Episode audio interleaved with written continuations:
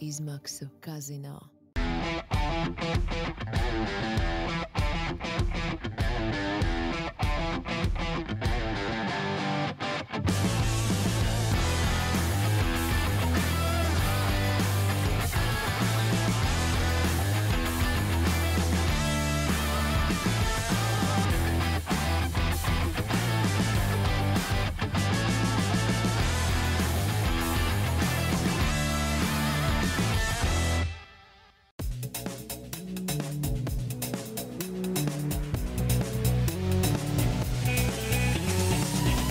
F1 LV podkāsts. Sveiciens eh, Formule 1 podkāstā, F1 LV podkāstā pēdējo reizi šajā sezonā. Jāsaka, tā mums ir noslēgusies sezona. Nu, es domāju, ka daudz sezonas noslēgumu gaidīja jau kādu brīdi. Ņemot vērā, ka mums eh, čempions bija zināms, bet eh, mēs esam nolauzuši to līdz galam. Podkāsti ir notikuši visas pirmdienas, un šis būs īpašs, jo pirmkārt būs divreiz garāks nekā parasti. Divas stundas mocīsimies šeit pa studiju, un palīdzēs mums mocīties arī šoreiz sanākušie viesi. Kā jau solījām, kādu brīdi atpakaļ ir uh, viesi, kas ļoti cītīgi seko Formulē 1, kas organizē arī pasākums, arī par tiem mēs parunāsim. Un pilnīgi noteikti, kas ir gatavi arī paši nedaudz iesaistīties diskusijā par to, kas notika vakardien un kas notika vispār kopumā sezonā. Es uzlikšu kopkadru, lai jūs redzat, ka mums ir pilna studija. Kameras ir salikts tā, lai redz arī tos, kas sēž pa malām. Tā kā jā, pamājiet droši mammai, tētim. Sveiciens visiem! Mums nedaudz reizes scenārijs gan ir jāpielāgo, un tieši tā mums ir tāda smalka lieta kā scenārijs šoreiz. Nosauksim to tā, jo nu, divas stundas kopā ar astoņiem cilvēkiem tiešraidē kaut ko darīt, laikam vajag kaut kādu nelielu plāniņu. Tajā plānā no astoņiem mums astotais nav atnācis. Ah, okay. Astotais ir neklātienē, tas ir Niks. Līdz ar to tie, kas gaidīja kaut kādu sezonas noslēgumu kopsavilkumu par F1 fantāziju šoreiz paliks bešā. Zvaniet Nikam. Zvaniet Nikam, jā, varētu viņa telefonu uzlikt. Tiešraidē, jā, lai viņš tagad uh, dabū, dabū pastrādāt. Bet, uh, lai nu kā par F1 fantāziju prasiet viņam, mēs par to nerunāsim. Līdz ar to mēs nedaudz vairāk, nedaudz vairāk parunāsim par to, kas notika Abu Dabī. Ne jau nebija tur viss tik slikti. Un tiks nedaudz vairāks, vairāk vārds arī Rasai, kas stāstīs par F1 līdzjutēju klubu aktivitātēm jau notikušām vēl gaidāmām un par to, kā vispār tam klubam iet. Uh, bet tagad pie galda man ir Ūsa un Santa. Viņi uh, pieteicās, ka pietiekami drosmīgi, kas palīdzēs mums ar Jāni tikt galā arī ar to, kas notika Abu Dabī Grand Prix. Mēs nedaudz mazāk veltīsim laiku šoreiz, varbūt pašsacīksts apskatam nekā parasti, jo citas lietas runājams vēl ir. Uh, taču nedaudz jāapskatās uz to pēdējo posmu. Jā, tu, tu esi iesildījies no Falštarta. Es došu tev vispirms vārdu. Kā tev pēdējais posms patīk. Es ceru, ka tu skaties un neveltīji visu savu uzmanību tikai MotoGP. Uh, nē, un lai, lai jūs saprastu, ja nestos to, ka es tur baigi dziedu visādas slavas dziesmas saistībā ar MotoGP, tad es MotoGP skatījos atkārtojumā, jo viņi gāja vienlaicīgi. Un es formulā skatījos tiešraidē. Tāpēc, tāpēc ir kaut kādas prioritātes, tomēr ir, un uh, viss ir kārtībā ar mani. Nav tā, ka es esmu galīgi aizgājis neceļos kaut kur. Uh, Uh, skatījos, protams, skatījos, kā lai nu, kā, būtu diezgan stulbi. Es nepaskatītos, un man jānāk šodien uz šejienes. Tāpēc, tāpēc nāks jau vien skatīties to formulu, neko darīt. Man patika īstenībā sacīs. Nu, Ziniet, kā viss ir atkarīgs, man liekas, šis, šo sacīkstu vajadzēja skatīties tāpat kā otro sezonas nogriezni. Ar domu tādu, ka mēs zinām, ka Verstapens vinnēs, bet tiem, kam patīk formula, un tiem, kam patīk, kas zina vairāk par formulu un zina vairāk par formulas iekšienu, viņiem vienmēr ir savas mazās intrigas kaut kādas. Un tāpēc tās pas, pašas mazās intrigas, ko mēs arī mēģinājām, ar kurām mēs mēģinājām savu interesi pret Formuli 1 noturēt, arī pēc tam, kad Maks Verstapens jau priekšlaicīgi kļuva par čempionu, tās nu, izvērstās īstenībā diezgan karstas. Uh, gan konstruktoru kausa izcīņas starp uh, komandām, gan tur vietu sadalījums no 4. vietas uz leju un tā tālāk. Un tā joprojām. tā kā, nu, jā, un plus, plus vēl tas, ka bija uh, Francam Tostam bija pēdējā. Uh, pēdējā gonka, kā vadītājam, Alfa, Alfa Taurijas gribēja teikt, bet, uh, nu jā, pareizi, Alfa Taurijas. Viņam tik jā, tu arī, arī putrojies, es tieši tāpat putrojos. Tas tad, tad tas, tas un tad tā, tā, tā tas, tas it kā nosacīt pats skaistais, tā skaistā performance no Jukijas un Naudas puses, eh, kā kā tāds uh, paldies arī Francam par, par šo ieguldīto darbu. Par to mēs vēl respektīvi, parunāsim, Jā, jā, jā. tur bija daudz. Es jau arī negribēju iedzināties vairāk par to, ka, ja, ja, ja tu ņem tās detaļas, tad īstenībā bija diezgan daudz par ko pafanot, vai paskatīties, vai pievērst kaut kam uzmanību un, un paskatīties, kā tas viss izvērsīsies. Tā kā es teiktu, ka neskatoties to, ka nebija tur nekādu baigot tur dzelteno, sarkano karogu vai kaut kādu drošības mašīnu. Es teiktu, ka bija diezgan interesanti. Bija arī interesanti šī pitstopu lieta, visa, kur Maklārens pirmo reizi bija iebraucis auzās ar pitstopu, neskatoties to, ka visu sezonu atkal viņi brīnums taisīja ar pitstopiem un vispār. Tā kā es teiktu, ka jā, sacīkste nebija nu, ekstraordināra, bet, eh, bet, ja tu iedziļinies mazajās niansēs, tad mm. bija diezgan interesanti. Uh, mēs dosim vārdu arī pa brīdim uh, mūsu viesiem. Un, mums ir Verstapena līdzekļs, un mums ir Ferrari līdzekļs. Tā kā baigi esam trāpījuši patiesībā. Arī par, Nekauties. Uh, viņiem nav pagaidām par ko kauties. Nav gan. Šobrīd neko viņi nedala. Viņi nav vienā, vienā galaktikā, teiksim tā. Uh, bet uh, par Verstapenu vispirms par Redbullu jāpaprasa Santai, jo mums ir sacīks bijušas, ka tiešām pat nedēļas nogales bijušas, teiksim tā, kad uh, Verstapena un Redbull pārsvars, nu kā viņi sāk ar pirmo apli treniņos, tā tur nu, lieli jautājumi nav pa lielam. Viņi atraduši tos bāzes regulējumus un viss ir labi, bet uh, Abu Dabī bija ļoti tālu no tā. Faktiski līdz kvalifikācijas pēdējai kārtai tur, tur bija jautājumi, un uz sacīksts bija ne, nedaudz varbūt, jautājumi, bet nu, treniņi bija diezgan tā pa, kalni, pa kalniem augšā lejā. Kā tev bija sajūta, nu, tā, ka visu laiku bija miers, vai, vai tomēr bija kāda brīdi, kad nu, varētu būt šis posms bez Verstapena uzvaras? Nu, es par viņu ļoti nestraucos, bet uh, bija skaidrs, ka vissvarīgākais no treniņiem bija tieši otrais, jo pirmais tika atvēlēts jaunajiem talantiem. Uh, otrais treniņš bija tieši tādos laikos, kā notiek uh, galvenās uh, norises. Un, uh, jā, Redbullam bija liels problēmas ar, uh, ar, ar sagatavošanos sacīkstei. Jā, viņa patiesībā viņš pat. Uh, Viņš uz riepu satelpīšanu izcīnīja to pole position. Jā, īstenībā taisnība, jo patiesībā ar treniņiem bija diezgan liels problēmas. Kā jau, kā jau teica Santa, protams, pirmkārt nebija tajā laikā, bet otra lieta, ka jaunie piloti, kas šoreiz bija Red Bull gadījumā vienīgajai komandai, abi divi pamatsastāvā braucēji tika nomainīti, kas, kas ir neliels risks. Un uh, arī šajā posmā jau sāka domāt, arī Red Bull, vai tā, tā bija pareizā lieta. Īzeks Kadžārs un uh, Džeks Denis uh, sēdās attiecīgi Pēres un uh, Verstapena formulās. Uh, Piektdienas pirmajā treniņā, un, un jaunie piloti pie uh, regulējumu meklēšanas nestrādā. Tā nav lieta, ko viņi var darīt. Tātad, uh, līdz ar to tas, tas fine-tuning, kā saka, jau, jau ir pašu pamatsastāvā braucēju ziņā. Nē, Red Bull jau nu, visas komandas ierodas uz kaut kādiem bāzes regulējumiem, bet nu, nu, varbūt ne visas, dažām vēl jāmeklē arī tie ir. Bet tās bija liels problēmas, jo otrajā treniņā bija divi sarkanie karogi. Tur Red Bull mētājās no viena ā, grāvja uz otru. Bija kā Maks ā, sūdzējās ne tikai par kratīšanu, purināšanu, par to, ka aizmugurē pamatīgi izslīd, jo viņi bija likuši uzsvaru uz priekšējo riteņa asi. Un, un tas bija ar domu, lai saglabātu aizmugurējās riepas nedaudz vairāk tieši sacīkšu režīmā, kas, kas vēlāk izrādījās arī pareizs lēmums ā, sacīkstē. Bet vienā brīdī izskatījās, ka Verstapens nav īsti ar to mierā. Un katrā ziņā, ja tu tā cītīgi seko visai nedēļas nogalē līdzi, tad izskatījās, ka tomēr Red Bull neiet viss pēc plāna. Nav gluži tā, ka viss iet, viss iet smuki un skaisti.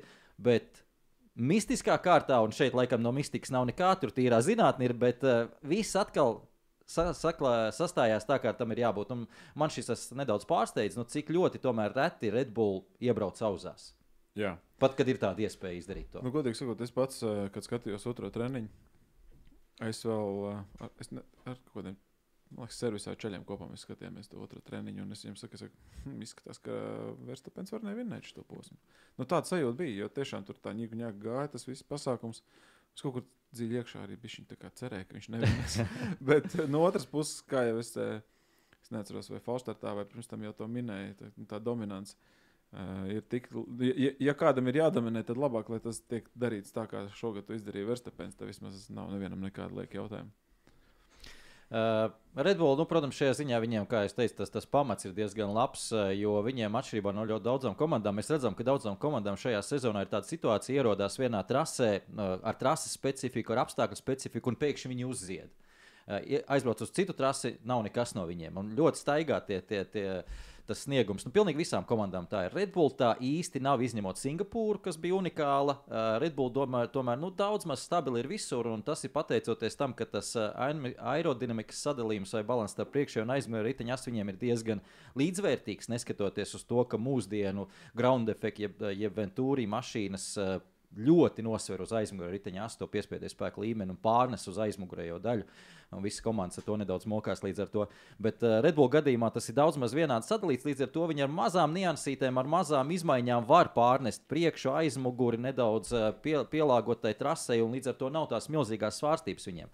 Tā kā šoreiz, manuprāt, tas ir tas iemesls, kāpēc arī viņi izbrauca sveikā cauri uh, Abu Dabiju Pilnīgi noteikti. Un šeit nevar par zemu novērtēt, kā jau es teicu, arī komandu, jo šobrīd nu, mēs visos parametros redzam, ka tā komanda ir pārāka par visiem, ieskaitot boxe apmeklējumus. Tu jau Jānis minēji, kas bija ar, ar McLaren boxe apmeklējumu, pat viņi iebrauc. Iebrauc, iebrauc auzās pēdējā posmā, un cik, cik bija tās sekundes? 5 sekundes bija. Cik Zinu, kā ar, ar Red Bull ir tā, ka man liekas, ka viņi ir viena no, ne viena no, bet viņi vislabākie kļūdu labotāji vispār ir. Liekas, jo, uh, Um, Pagājušā gadā mēs atceramies, startā tur kaut kāda tehniska ķibela, kaut kas bija, pēc tam pēkšņi vairāk tādas ķibeles nav un nekad nav atkārtojušās. Tā tur bija vēl kaut kas. Tad bija šo sezonu bija tā, ka kaut kur tā formula nestartēja normāli. Tad vienā brīdī viņi, nu, kad, kad viņi saprot, ka tā formula nestartē normāli, viņi kaut ko izdara un tā formula pēkšņi tā šauj no vietas, kad vienkārši pārējiem vispār nav varianti. Ja? Respektīvi, viņi ir tādi. Tu redzi, ka viss, ko viņi dara, nes kaut kādu rezultātu. Tajā pašā laikā, piemēram, Hāzs atved jauno apgraidoto formulu, viņa ir pilnīgs draņķis, es atvainojos. Ja? Nu, tā, nu, tā kā, uh, to var redzēt. Nu, tā komanda, jā, viņi strādā vienkārši kā pulkstenis, un, un tiešām viss, ko viņi dara, viņi dara uz rezultātu, un tas arī sanāk. Jo, nu, ja mums tagad jātiek atpakaļ jāpadomā, vai bija kaut kas tāds, ko viņi izdarīja, un kaut kas nestrādāja, nu, tad visdrīzāk mēs to nepateiksim, vai nu vienkārši mēs to nezinām. Jā, par Red Bull mēs jau runāsim otrajā raidījuma daļā. Mums uh, Santa arī nedaudz par to pastāstīs, es ceru. Uh, bet es konkrētāk par šo sacīksti uh, vēl pēdējā lieta bija, ka vienīgā Vienīgais mirklis, kad Red Bull un Verstapens tieši varēja nedaudz kaut kur sapīties meistarībā, bija pats pats sacīks sākums. Ja atceraties, tad uh, viņš cīnījās pietiekami agresīvi ar Leclerc, bet nu, tur viss bija godīgi, tur viss bija skaisti un labi un interesanti un aizraujoši. Bet tik ļoti agresīvi viņš aizsargājās no Leclerc, ka viņš arī no savu riepu resursu nedaudz paņēma, proti, uzkarsēja tās pārlieku strauji pirmajā, pirmajā aplī tieši. Un, eh, kā Red Bull pēc tam teica, tad viņi samazināja savu pirmo nogriezni, īsāk uztaisīja, kas varēja padarīt viņus ievainojamus, bet par laimi, viņiem par laimi, neviens nebija tik tuvu, lai izmantotu šo iespēju. Un pat ar it kā īsāku nogriezni, pirmai, no, pirmo nogriezni Verstapenam, viņš tik un tā devās boxos vēlāk nekā liela daļa pārējie. Tā kā joprojām viņiem bija labāks tas uh, riepu sataupīšanas uh, process nekā pārējiem. Tā kā, nu, es teiktu, ko tu stipram padarīsi. Te, te īsti laikam, pat, pat ja viņiem ir kaut kādas nelielas kļūmītas vai kaut kādas problēmas, tad pārējie tomēr nav tik tuvu, lai tās uzreiz izmantotu. Jā. Mēs iesim pie Ferrari un dosim arī uh, vārdu Uvim. Uh, šajā gadījumā par Ferrari laikam jāsaka tā, ka man ļoti sāk patikt Ferrari kopš uh, nu, kāda Itālijas posma apmēram. Uh, Vasa, pēc vasaras brīvdienām Karlos uh, Sainz ļoti pamodās tieši pēc vasaras brīvdienām, pēc tam gan līdz ar Itālijas posmu uzlabojumiem Monsā. Uh, Leclerc ir pilnībā pārņēmis jau atkal to dominantu tieši komandas iekšienē, un Sainz netiek viņam īsti līdzi. Uh, bet uh, man patīk arī tas, kā izgājis pēdējo posmu Frederiks Varsūrs ar uh, diezgan pamatīgu nu, tādu kaujiniecisku noskaņojumu, ka mēs šeit esam ieradušies tikai ar vienu mērķi - paņemt to otro vietu no Mercedes. Nevis, nevis tur kaut ko. Uh, līkumu riņķi apkārt. Nu, jā, ja sanāks, jā, varbūt nē. Viņš tieši teica, tā ir, tā ir, tas ir mūsu uzdevums, tas ir mūsu mērķis. Un, nu, man tas patīk. Skaidra valoda pasaka, ja arī nesanāca, nu, mēs mēģinājām. Kā tev patīk, kā tev patīk pēdējais posms un tas sezonas noslēgums Ferrari? Jā, abu dabūju posms, kā Ferrari fanam bija kā tādi amerikāņu kalniņi, kad iesākās ar tādu intrigu, ka nu tik būs, nu tik Šārls varēs paņēma beidzot kādu startu pārmaiņas pēc sezonā, kad viņam ir bijusi iespēja. Un kas mums tas sastais līkums sanāca, kur, kur pilnībā, pilnībā nevarēja noticēt, var, var teikt, kā Verstapens izbrauc priekšā tajā līkumā, kur Šārlam bija iespēja. Un tālāk jau iestājās tāda realitāte, kā tas ir Ferrari jau, ka nu, tas ir arī viss. un turpinam braukt. Un beigās bija ar visu uh, Sainza izstāšanos un riepu maiņu un pitstopu pēdējā aplī, kur viņš vēl cīnās par punktiem, svarīgiem punktiem čempionātā. Tas, tas tāds, tā teikt, vis, vis, visas sezonas beigas tā nedaudz sabojāja, varbūt savā ziņā. Uh, bet jā, kopumā ņemot, kā Ferrari fanam ir, uh, ir tāda cerība uz nākotni, skatoties, ka noteikti Vasūrs ir uh, īstajā matā Ferrari, kad uh, gan lasot kaut kādas iepriekšējās ziņas par to, kā ir bijis ar Binoto un kā ir ar Vasūru. Noteikti ir tāds sajūta, ka Vasūrs ir tas cilvēks, kas nevis ir ienācis jaunā, jaunā kompānijā un uzreiz ierauga visu nepareizo, un tagad mēs visu būvējam no jauna. Viņš ir kādu laiku apgrūžājies, sapratis, kā tās lietas tur notiek. Un, uh, tagad var redzēt, ka nu, teiks, no tās pašas Itālijas, ka tās lietas lēnām tiek mainītas un uh, tiek atrasti atbildīgie noteiktās sfērās. Un, uh, un viss darbojās. Protams, var teikt, pie komunikācijas viņiem ir daudz un dikti jāstrādā. Jā, tas, tas gan ir jā, diskusija tālāk, bet, bet jā, tas tāds. Uh, jā, es pilnīgi piekrītu par Vasūru. Man arī tā sajūta ir drīzāk laba nekā, nekā, nekā slikta. Tur, protams, ir kur pielikt vienmēr, bet uh, sliktāk noteikti nav palicis pēc Binoto. Un, uh, es jau arī pāris tiešai teicu par Binoto, ka uh, tas čalis, eh, tam čalim ir pilnīgi noteikti vairāk jāstrādā ar dzelžiem un ar vispārējo, mazāk varbūt ar komandas vadību. Nu, daži vienkārši nav domāti menedžmenta lomai, un savukārt to Sūrs to ir darījis eh, nu, visu savu karjeru, faktiski mazākās klasēs formulas ir vadījis, un viņš ir tīrs sacīkšu komandas vadītājs. Nu, cik cik nu var, var būt tāds amats vai, vai tā, tāda profesija, tad viņš tāds ir. Tā es domāju, ka, ka ir īstajā vietā. Tur es tev piekrītu, bet atpakaļ pie Abu Dabī, tad uh, sāksim ar to, kas, uh, kas notika ar Ferrari vēl piekdienā, pamatīgi avārija Sainsam. Uh, tur tajā vietā trasē ir uh, pirmkārt neliela kompresija, jo tur pirms tam ir kalniņš, pēc tam iet lejā. Protams, nu, tā, tā balstīkārta mūsdienās Formulā 1 ir tāda nedaudz, nu, kā lai tu pasaki, netik efektīga. Viņa nu, nespēja kompensēt, kā tas bija iepriekšējos gados, tik veiksmīgi visu šī, šāda veida kompresijas. Un, uh, un uh, mikrobedrītes trasē. Un turklāt, jā, tur bija vēl viena arī nu, pat ne bedra, bet pumpiņa. Uh, trasē šajā vietā, kur uh, uzsēdās uh, Sainz un aizgāja viņam formulu. Pa nakti tā pumpa tika nofrēzēta, kā izrādās. Uh, kā pēc tam tur problēmas vairs nebija.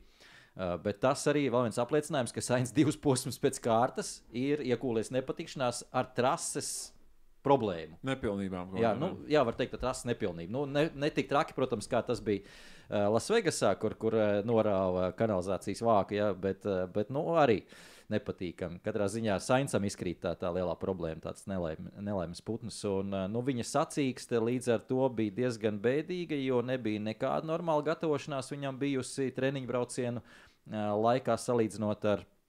Salīdzinot pat ar Leclerc, uh, Un uh, otra lieta, ka tā stratēģija, ko Sainz un viņa, viņa Ferrari izvēlējās, uh, proti, ar ļoti garu pirmo nogriezni ar cietā sastāvriepām, nestrādāja. Uh, tās riepas tika ēstas diezgan pamatīgi. Uh, es neesmu sagatavojis bildīt ar uh, sacīkšu stratēģijām, bet uh, atcerieties, ka Sainz sāka cietā sastāvriepām pirmajā boxa apmeklējumā, kas bija krietni ātrāks nekā pus, pusceļš. Uh, jo vajadzēja vēl krietni pēc pusceļa. Jo vajag, tātad, ja viens boks apmeklējums, tad, tad jāliek ir vidējā sastāvriepas. Tās, tās, neskatoties to, ka degvielas tvertnē ir tukšāk, tās tik un tā, nu, mazāku laiku tā tad, būs gatavs kalpot. Un viņi uh, iebrauca boksos, es jums pateikšu, 23. aprīlī no 57. Tas, tā, tas ir vēl tālu līdz pusceļam, un viņi uzlika vēl viens cietās. Ko tas nozīmē? Tas nozīmē, ka viņiem pilnīgi skaidrs, ka vēl viens boks apmeklējums jā, jāveic, ir, jo viņi ar divām cietējām ir braukuši. Viņiem nav uh, mīkstās vai vidējās, viņi nav izpildījuši šo noteikumu. Un tieši tāpēc pašā beigās, lai būtu šis noteikums, vēl nebūtu diskvalifikācija, viņi iebrauca pirmspēdējā aplī. Boksos uzlika mīksto sastāvu, bet gal galā izstājās. Uh, ir kā oficiālais iemesls, tiek minēts jaudas agregāta problēmas. Kas tieši nezinu. Um, tur varbūt var arī pieminēt, varbūt tā liekas, ka varbūt ja, Ferrari ir uh, vispār tas resursu sezonas beigām beidzies. Jo arī Šārlam beigās uh, aizliedza Bornautus taisīt Havi. Uh, jā, tas arī bija interesants moments. Uh, es skatījos vakardienas, jau ieliku jā, arī Twitterī. Skatījos vakardienas sacīkstu atkārtojumā, nu, tā, tā pātrinātā nedaudz režīmā, un ik pa brīdim arī tos uh, onboard kameras paklausos, ko, ļoti daudz, starp citu, netiek translēts. Ļoti daudz netiek translēts, un man liekas, tas ir pareizi. Nevajag visu translēt uh, tiešraidē, jo, labi, es tagad atkāpšos, uh, izstāstīsim priekš par Šarlu Klēru. Šarlu Klēram, jā, neļāva neļāv taisīt uh, bonāts, respektīvi šos, šīs saulītes pirmkārt, tāpēc, ka transmisijas sistēma lauž diferenciāli, lauž, nu, tur lauž mašīnu. Principā tur ir pilnīgi skaidrs, un tur pēc tam ir uh, testi, jauno pilotu testi. Un uh, otra lieta, Bornauta laikā, kāds ir degvielas patēriņš. Ja uz degvielas patēriņa viņi ir uz limita pašā beigās, ja ir tas tuvu tam litram nepieciešamajam, mēs nezinām, cik tur bija. Nu, Ferrari to zina. Un nu, tajā brīdī viņi tur litru notērē. Pilnīgi noteikti. Tā kā ļoti iespējams tur arī tā problēma bijusi. Tā tas nav tā, ka Ferrari, ne, mēs tā nedarām, mēs esam pārāk klasiska kompānija. Es domāju, ka tur nebija tas iemesls, tur bija diezgan pamatot. Nu, Redbullam vienalga. Ja?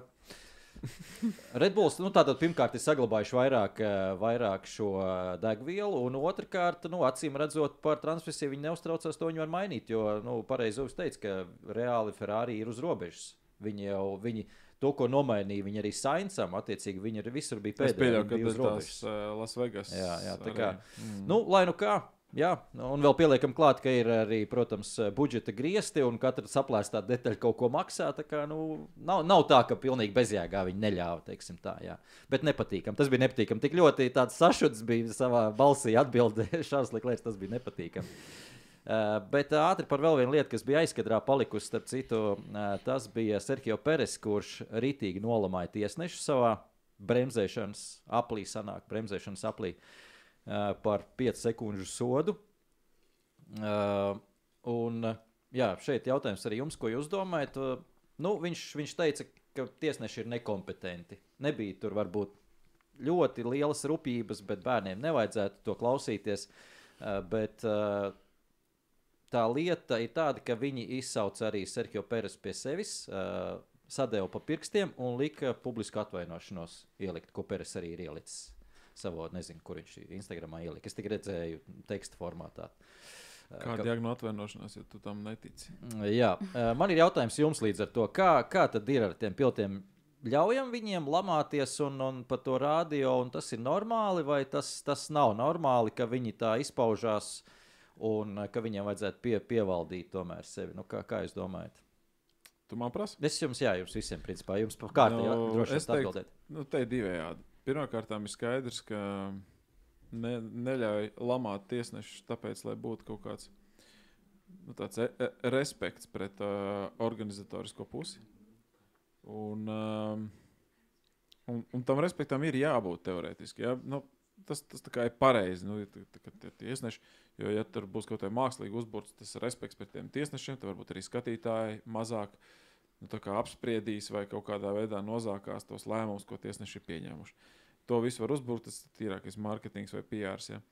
Arī, arī dzēna. Bet uh, no otras puses, no autosports ir emocijas. Un, ja autosports ir emocijas, un ja mēs Nu, es tagad arī skatos, nu, es vienmēr esmu skatījies basketbolu, un NBA tagad arī tas pats variants, ka apmēram nu, tikko kā tu esi kaut kādu labu grozu gūst, tad parāda kaut kādas emocijas, dabūt tehnisko piezīmi. Apmēram, ja? Nē, porziņš tur tur nu, jā, nu, nu, kā tā ir tāda, nu, tā ir sarežģīta līnija, kur novilkt. Bet, manuprāt, nu, visas emocijas griezt no nedrīkst. Ir jāļauj tomēr tās emocijas skatītājiem, tās emocijas patīk. Un, mm Te ir kaut kā jābalansē. Kā to izdarīt, protams, viegli ir pateikt, jādara šī vai tā, bet kā to reāli dzīvē ieviest, tas ir cits jautājums. Bet, bet uh, es teiktu, ka, nu, ja visas emocijas mēs rausim nost, tas būs slikti. Šoreiz Pēters, nu, man divējāds, divējāds viedoklis arī par Pēters gadījumu. Pirmkārt, es domāju, ka viņam ir taisnība, nu, ka nevajadzēja tomēr tos sekundes dot. Bet tajā pašā laikā, ja viņš viņus nosauc par to, ka, nu, jā, nu, reku, mēs taču esam F1, bet uh, mūsu stūri galīgi nav F1 līmenī, nu, tas ir diezgan skarbs uzbrauciens. Un, uh, tāpēc, nu, jā, nu, te, ir, te ir tā līnija, laikam, mm. druskuļi bija pa šārpu. Nu, Citādāk, atkal, nu, nezinu, Alonso uztaisīja brekčeku, viņam nekādas sodu neiedeva par to. Kā, nu. Par to arī vēl parunāsim. Jā. Santa, ko tu domā? Es domāju, ka emocijas noteikti nevajag apslāpēt braucējiem. Viss, kas tur ir. Um kaut kādas rupjības tiek cenzētas ar pīkstoļiem. Ja kāds pēc tam skatās onboardus un speciāli to meklē, tad tas atsevišķiem cilvēkiem interesē. Nu, ētrā nekas tāds netiek parādīts. Tā kā Jā, domāju, man liekas, šī ir, šī ir ļoti laba lieta, ko Sants saka, jo patiesībā tas neaizgāja ēterā. Līdz ar to uh, liela atbildība ir arī uz režisoru šajā gadījumā. Viņam ir jāskatās, nav jāķer tie, tie skatījumi, jā, jātiec pēc, pēc tās popularitātes, ka tagad reku tas nolamājas, liekam iekšā. Viņam ir jāizšķiro tomēr, kurā gadījumā liekam to un kurā gadījumā neliekam. pal- Tieši tā, es gāju meklēt, es arī uzrāvos uz tā pārējie, lielākā daļa to nav dzirdējuši, un līdz ar to arī tiesneši, nu, viņu acīs nav kompromitēti. Tā kā jā, es, es piekrītu Santai, tas, tas ir jāskatās jau režisoram. Ulvi? Tur, manuprāt, varētu arī komanda kaut ko izdomāt tādā ziņā, ka um, tad, kad Beres sāk lamāties par tie, tiesnešiem, uh, var, uh, es nezinu, vai komandai ir tāda iespēja, ja nav, tad vajadzētu to mikrofonu izslēgt, attiecīgi, lai tas aiziet nebūtībā, vai uzlikt kaut kādu balto troksni pa virsmu. Uh, attiecīgi, lai nu, nav, nav tāds, ka pēc tam var skatīties, ka basties, kā mums te Peres ir lamājies par tiesnešiem vai kaut ko tādu, tā teikt, lai tās emocijas tur, protams, paliek. Bet varbūt ne visiem tas ir jāatzina. Attiecīgi, var kaut kādu privātumu skatīties, ieviest, runāt. Bet nu, tas, tas tāds. Jā, tad, tad uh, Alfa Tauri droši vien laiku likt balto troksni virsū. un nodot- Jā, viņam vajadzētu izslēgt. Vispār poga, baltais troksnis. Uh, Jā, uh, labi. Uh, Tie, mēs jau aizsākām runāt par šo sadursmi starp uh, Peresu. Jā, Anis jau savu viedokli pateica. Uh, Atceramies, jā, notika šī sadursme, un uh, es ātri izstāstīšu savu, savu domu. Man, man Jānis, tev kā eksperts šajā ziņā arī interesēta sīkāk izklāst, kāpēc to sodu vajadzēja vai nevajadzēja. Jo skaidrs, ka Peres, ja mēs tā ņemam šo incidentu, uh, ir vairāk vainojams šajā incidentā.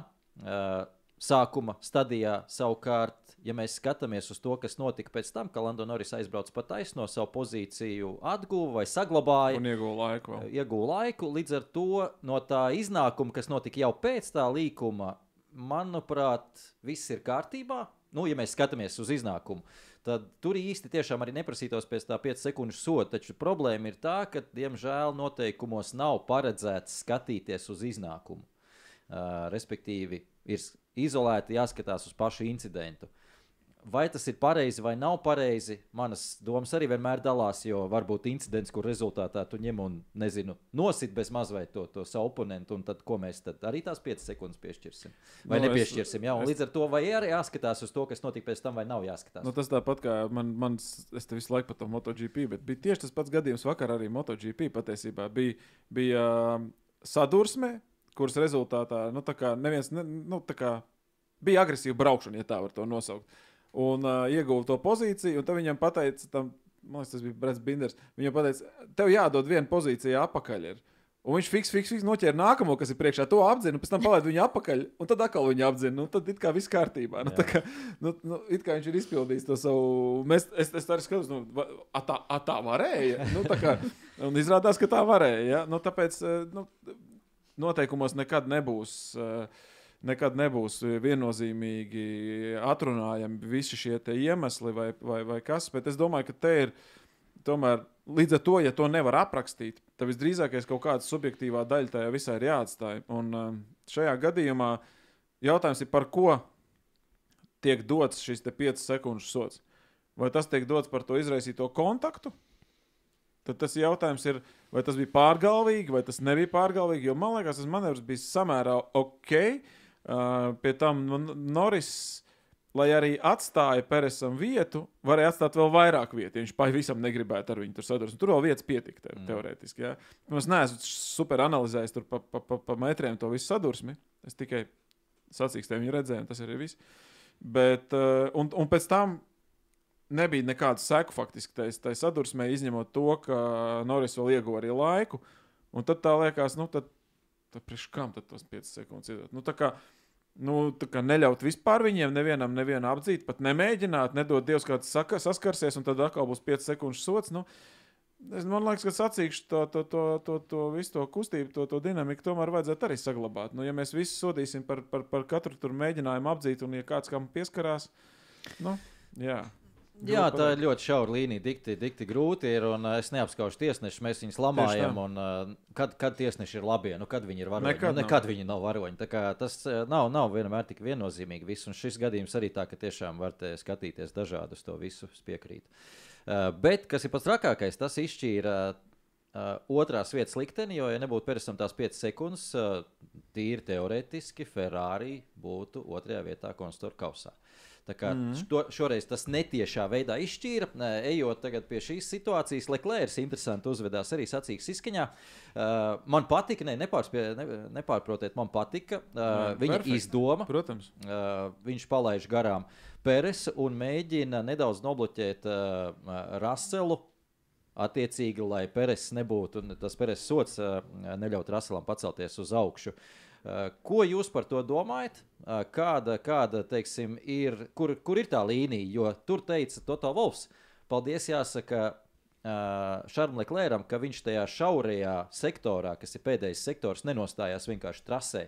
Jā. Un, ne, un nenobloķēja vienkārši Jā, brutāli. lai- lai- lai Rasels, jo tur Rasels jā. garām netiktu, viņam nekādīgi nevarētu apdzīt. Jā, pēdējā, pēdējā aplī vienkārši nostājās un Un, lēnām. aiziet. gai, un galvenais, Rasels jau to gaidīja. Viņš pēc tam Jā. pēc, pēc brauciena tajā intervijā teica, nu, ka, nu, ok, nu, labi, vismaz. Nu, viņš tā kā spēlēja, spēlēja, bet nu, li- ne līdz galam riebīgi. Uh, bet nu, šeit ir otra, otra lieta, protams, jāņem vērā, ka pašam Leclercam jau jātrāp tajās piecās sekundēs. Tur ir ļoti šaura robeža. Jā, es trāpu, lai viņš nereāli. netrāpa. Nu, tur tā, tā no, notrāpīt, nu, baigā matemātikai jābūt. Ir. Uh, bet uh, es teiktu, ka man tas patika. Kā jums? Kad, Nu ka jā, gāja ie- iet tādā izdomā. Ferrari tā. Nu, tev, tev kā. Ferrari fanam Jā, pa, pavisam noteikti. Patika.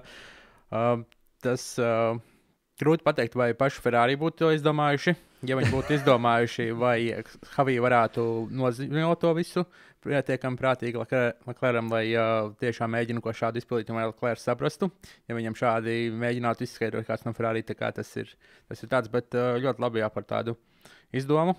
Uh, vienīgais noteikti nezinu, vai Šā- Šārls tā mēģinātu izdomāt kaut ko, ja viņš zinātu, kas īsti notiek ar Karlosu un ka viņš vispār nav punktos, var teikt, un ka viņiem tur uh, izredzes pacīnīties diezgan maz.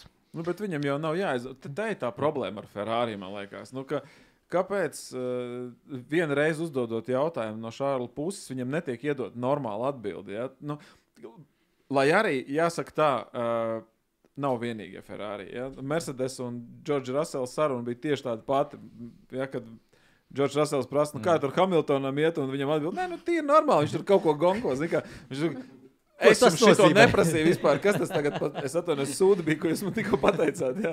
Man interesē, kā mēs esam konstruktori kausā. Nu, jā, tā kā nevar vainot tikai Ferrari. Tur, arī, tur tiešām komandas, nezinu, jau bija pusatvaļinājuma režīmā vai ko, bet nu, tur kaut kā tur. tā. Nē, es, es domāju, ka tur nē, Rikārdo Maskoni atbildēja. Es saprotu, kāpēc viņi tā atbildēja. Jo gal galā uh, savukārt uh, Mercedes, viņi, manuprāt, tīri labi visas stratēģiskās iespējas izprot un saprot. Un saprot, kur ieguldīties, un kur nē, un kur izmantot pilotus, un kur nē. Un, ja pats pilots sāk kaut ko šitādu taisīt, un komanda jau to ir izskatījusi un iz, izdomājusi, ka nē, tas nav variants, tad pilotam ir jāpasaka, dari savu darbu. Un, un, Okay, nu, ja no Un tu esi pārāk labā skatās, pozīcijā, lai šobrīd uztrauktos par to vispār. Jo, ja vajadzēs kaut ko, mēs tev teiksim. Es domāju, ka tā bija tā doma drīzāk nekā, nekā būt, mēs, jā. à, mēs, te, mēs jau tas kārtas sitam boxos. Mums tas neinteresē vairāk. Es pieļauju, ka tur, bet jā, par Ferrari savukārt galīgi tādas pārliecības nav. Tur es piekrītu. Ja nu kaut kur Ferrari var pielikt, par to, par to mēs parunāsim vispār otrajā daļā. Jā, tas, tas tāds interesants jautājums ir. Tā, tā lieta ar Ferrari ir, ir smaga. Uh, par Alonso un Hamiltonu. Uh, Jānis arī pieminēja, Alonso uztaisīja bremžu pārbaudi. Kā, kā sauc to latviešu? Es nezinu, tas ir. Nu, kā tu nezini, droši braukšanas skolā šito netaisa braukšanu bremžu. Nē, mēs pārbaudes? nemācām muļķības. Mēs mācām jēdzīgas lietas. Tāpēc es nemācīšu pateikt, kā šis saucās. Jā, bremzes ir Bet, jāpārbauda uh, servisā. Bet, Nevis, šitā, bet nevis šitāds uz Latvijas ceļiem, protams, mēs redzam. Jā. Diemžēl no agresīviem tipiņiem. tā kā. Kāpēc, kāpēc Alonso tā darīja? Uh, Alonso ne tas vien viltnieks, un viņš bija ārkārtīgi lepns par to. Pēc tam intervijās. Nebrīnos. Nu, tā kā, tā kā nu, tiešām lepns ļoti bija. Uh, un kāpēc viņš to darīja? Viņš darīja tādēļ, ka viņš gribēja uzdāvināt uh, uh, attiecīgi uz DRS līnijas iespēju sev izmantot DRS nākamajā taisnē. Tas Aston Martins ir tik ļoti lēns ar tik šausmīgu aerodinamisko berzi taisnēs un pretestību, un nav efektīga tā, tā piespiedu spēka, ka Alonso par to arī sūdzējās sacīks laikā, ka viņam, protams, vajag to DRS tajā uh, dueļos, tajās savstarpējās cīņās. Uh, līdz ar to tā doma viņam bija tāda, es nobremzēju, Hamiltons man pabrauc garām tajā vietā uz līnijas, es iegūstu DRS un nākamajā taisnē viņam pabrauc garām. Uh, Gala rezultātā tas nebija vajadzīgs, viņš tāpat palika priekšā, bet tas, ko viņš teica pēc tam intervijās, viņš teica, ka ka, nu, re, kā es Hamiltonu apspēlēju, nu, viņš, viņš bija tiešām priecīgs, viņš bija tiešām lepns. Viņš teica, ka viņam arī ir liela pieredze, bet es tik un tā joprojām viņu varu apspēlēt. viņam patīk. Nu, viņam viņam krēmt ritīgi par to, ka Hamiltonam ir vairāk čempionu titulu, jo potenciāli jau Alonso mēs zinām. Mums Būtu mums- trāpījis pareizajā formulā, visdrīzāk viņam arī būtu pietiekami daudz to čempionu titulu. Santa mums ir arī Alonso līdztais, es skatos pierakstos. Jā. Jā, kā, kā, tu, kā tu uz to skaties? Varbūt ne, ne lielos vilcienos, jau pat o- otrajā stundā, bet vairāk par šo, par šo gadījumu, par šo sacīkstu. Vairāk, tā kā. Es sacīju sēnēm to brīdi, kad viņš uztaisīja brīvības pārbaudi, nepamanīju. Jā, To mums, man liekas, atkārtojam, jo viņš nebija tiešai. Nebija, nebija tie- jā, to- tikai to- to atkārtojumi, jā. Twitterī pēc tam varēja redzēt. Jā, jā. Tā kā, bet, nu, kā doma, kā tāda. Tas Viltnieks. Alonso, jā. Nu, viņš ir viltnieks. Viņš ir labs. Um, eh, par Alonso var nedaudz pieminēt. Uh, senāts nesen apskatīties, kā jau cilvēkiem, kam nav ko darīt. Ir uh, YouTube uh, mēdz būt cilvēki, kas uztaisīja tā saucamo pēc šaha, pēc LO tehnoloģijas salīdzināja F1 pilotus. Tā kā līdzīgi, tā kā jau, jau tu uzvari savu uh, komandas biedru, attiecīgi tu dabū punktus, ja tu zaudē savu Jā. komandas biedru, zaudē punktus, attiecīgi salīdzināt. Tā kā šahā, protams, tur daudz vairāk viņi sacenšas viens ar otru, un tad tos tabulu izlīdzinās. Bet eh, tur interesanti ir, uh, ja ņem kaut kādu. Divu, divu veidu salīdzinājumu bija uztaisījis cilvēks. Ka viens bija, ka Fangio saņēma visvairāk punktus, bet tas bija vēl ar to ņēma vairāk, ka ir bijuši kādreiz daudz komandas biedru. Un, ja tu uzvari vairāk komandas biedrus, tad saņem vairāk punktus. Attiecīgi samazināja to skaitu, un tad pēc LO principa labākais braucējs būtu bijis Alonso. Ar visvairāk kā, sasniegto to, to līmeni. Vispārīgi tā kā, tas tāds. Es, es par šo Fakts. patiesībā es nezināju par šo te, eh, principu no, no šaha, bet, eh, bet es par šo tieši domāju, ka tas varētu būt labs reitings. un Man vienmēr ir bijis slinkums pašam to darīt un meklēt, bet es tieši domāju, ka tā varētu būt. Tā nav objektīva lieta, pilnīgi noteikti. Ir, ir tur arī mīnusi, bet kaut kāds rādītājs tur ir. Ja, ja tu esi savus komandas biedrus sitis regulāri pušu un daudzās komandās startējis, un tas, tas lokus, no kā tu pārbaudi tās savas spējas, ir pietiekami plašs, tas ir kaut kāds rādītājs viennozīmīgi. Tā kā Tur es piekrītu. Jā. Jā, jā nu tur, tur gan, protams, to statistiku var uzlabot uh, komandas menedžeri, kur vienkārši otrā pilota lomā vai kaut kā izvēlās kaut kādus pilnīgākos. Nu, jau mums tāda reta tādas iespējas, jau Jā. paliek nav vairs naudas maisa tik ļoti. Bet, jā. uh, par Hamiltonu pavisam ātri te jau, ja mēs tā plūstoši ejam no viena pie otra. Uh, Hamilton, ka, mums nav neviens Hamiltona aizstāvis uh, pie galda, bet uh, uh, ar Hamiltonu ir tā, ka es pieļauju, ka viņš emocionāli ļoti nolaidies šajā posmā, ne tikai ar iepriekšējos jau nedaudz, un šajā, jo īpaši to varēja just. Un, uh, es, protams, to nezinu simtprocentīgi tā nav zinātniska lieta, bet, eh, manuprāt, tāpēc arī Toto Wolfs uh, tras, sacīks laikā runāja ar viņu elementāras lietas, nevis viņa sacīkšu inženieris Peters Boningtons, jo tas bija tīra doma uzmundrināt viņu, tātad psiholoģiski padzīt viņu uz priekšu, jo viņam negāja jau no piekdienas treniņiem, arī neatrada viņa tās, tās, tos pareizos regulējumus atšķirībā no Džordža Rasela. Un, uh, Otra lieta bija, ka nu, Hamiltonam kaut kādā brīdī nu, ir vērts iespringt, vairs nu, nav vērts man te iespringt. Apmēram. Tā mašīna ir tik, tik briesmīga, ka es, es vairs negribu iespringt.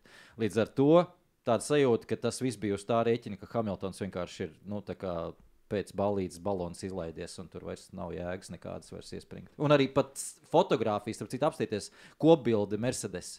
Visi pārējie sajūsmā par sezonas beigām Hamiltons knapi izsmiedis, izspiedis smaidiņu. Ir, Nu, tā var redzēt, ka tas ir mākslīgs smaidiņš. Nu, saliec visu kopā. Tev ir uh, septiņi čempionu tituli. Tev šajā sezonā ir sūdīgs vāģis. Tu nevari būt ne otrais, ne ceturtais. Nu, respektīvi, tev nekas nemainās no šī posma. Tu tur vari braukt, var nebraukt, vienalga kāda starpība. Nu, uh, nu atrodam, atrod motivāciju sev. Nu, pamēģini. Pamēģini tagad divas stundas tur zvetēt pa trasi.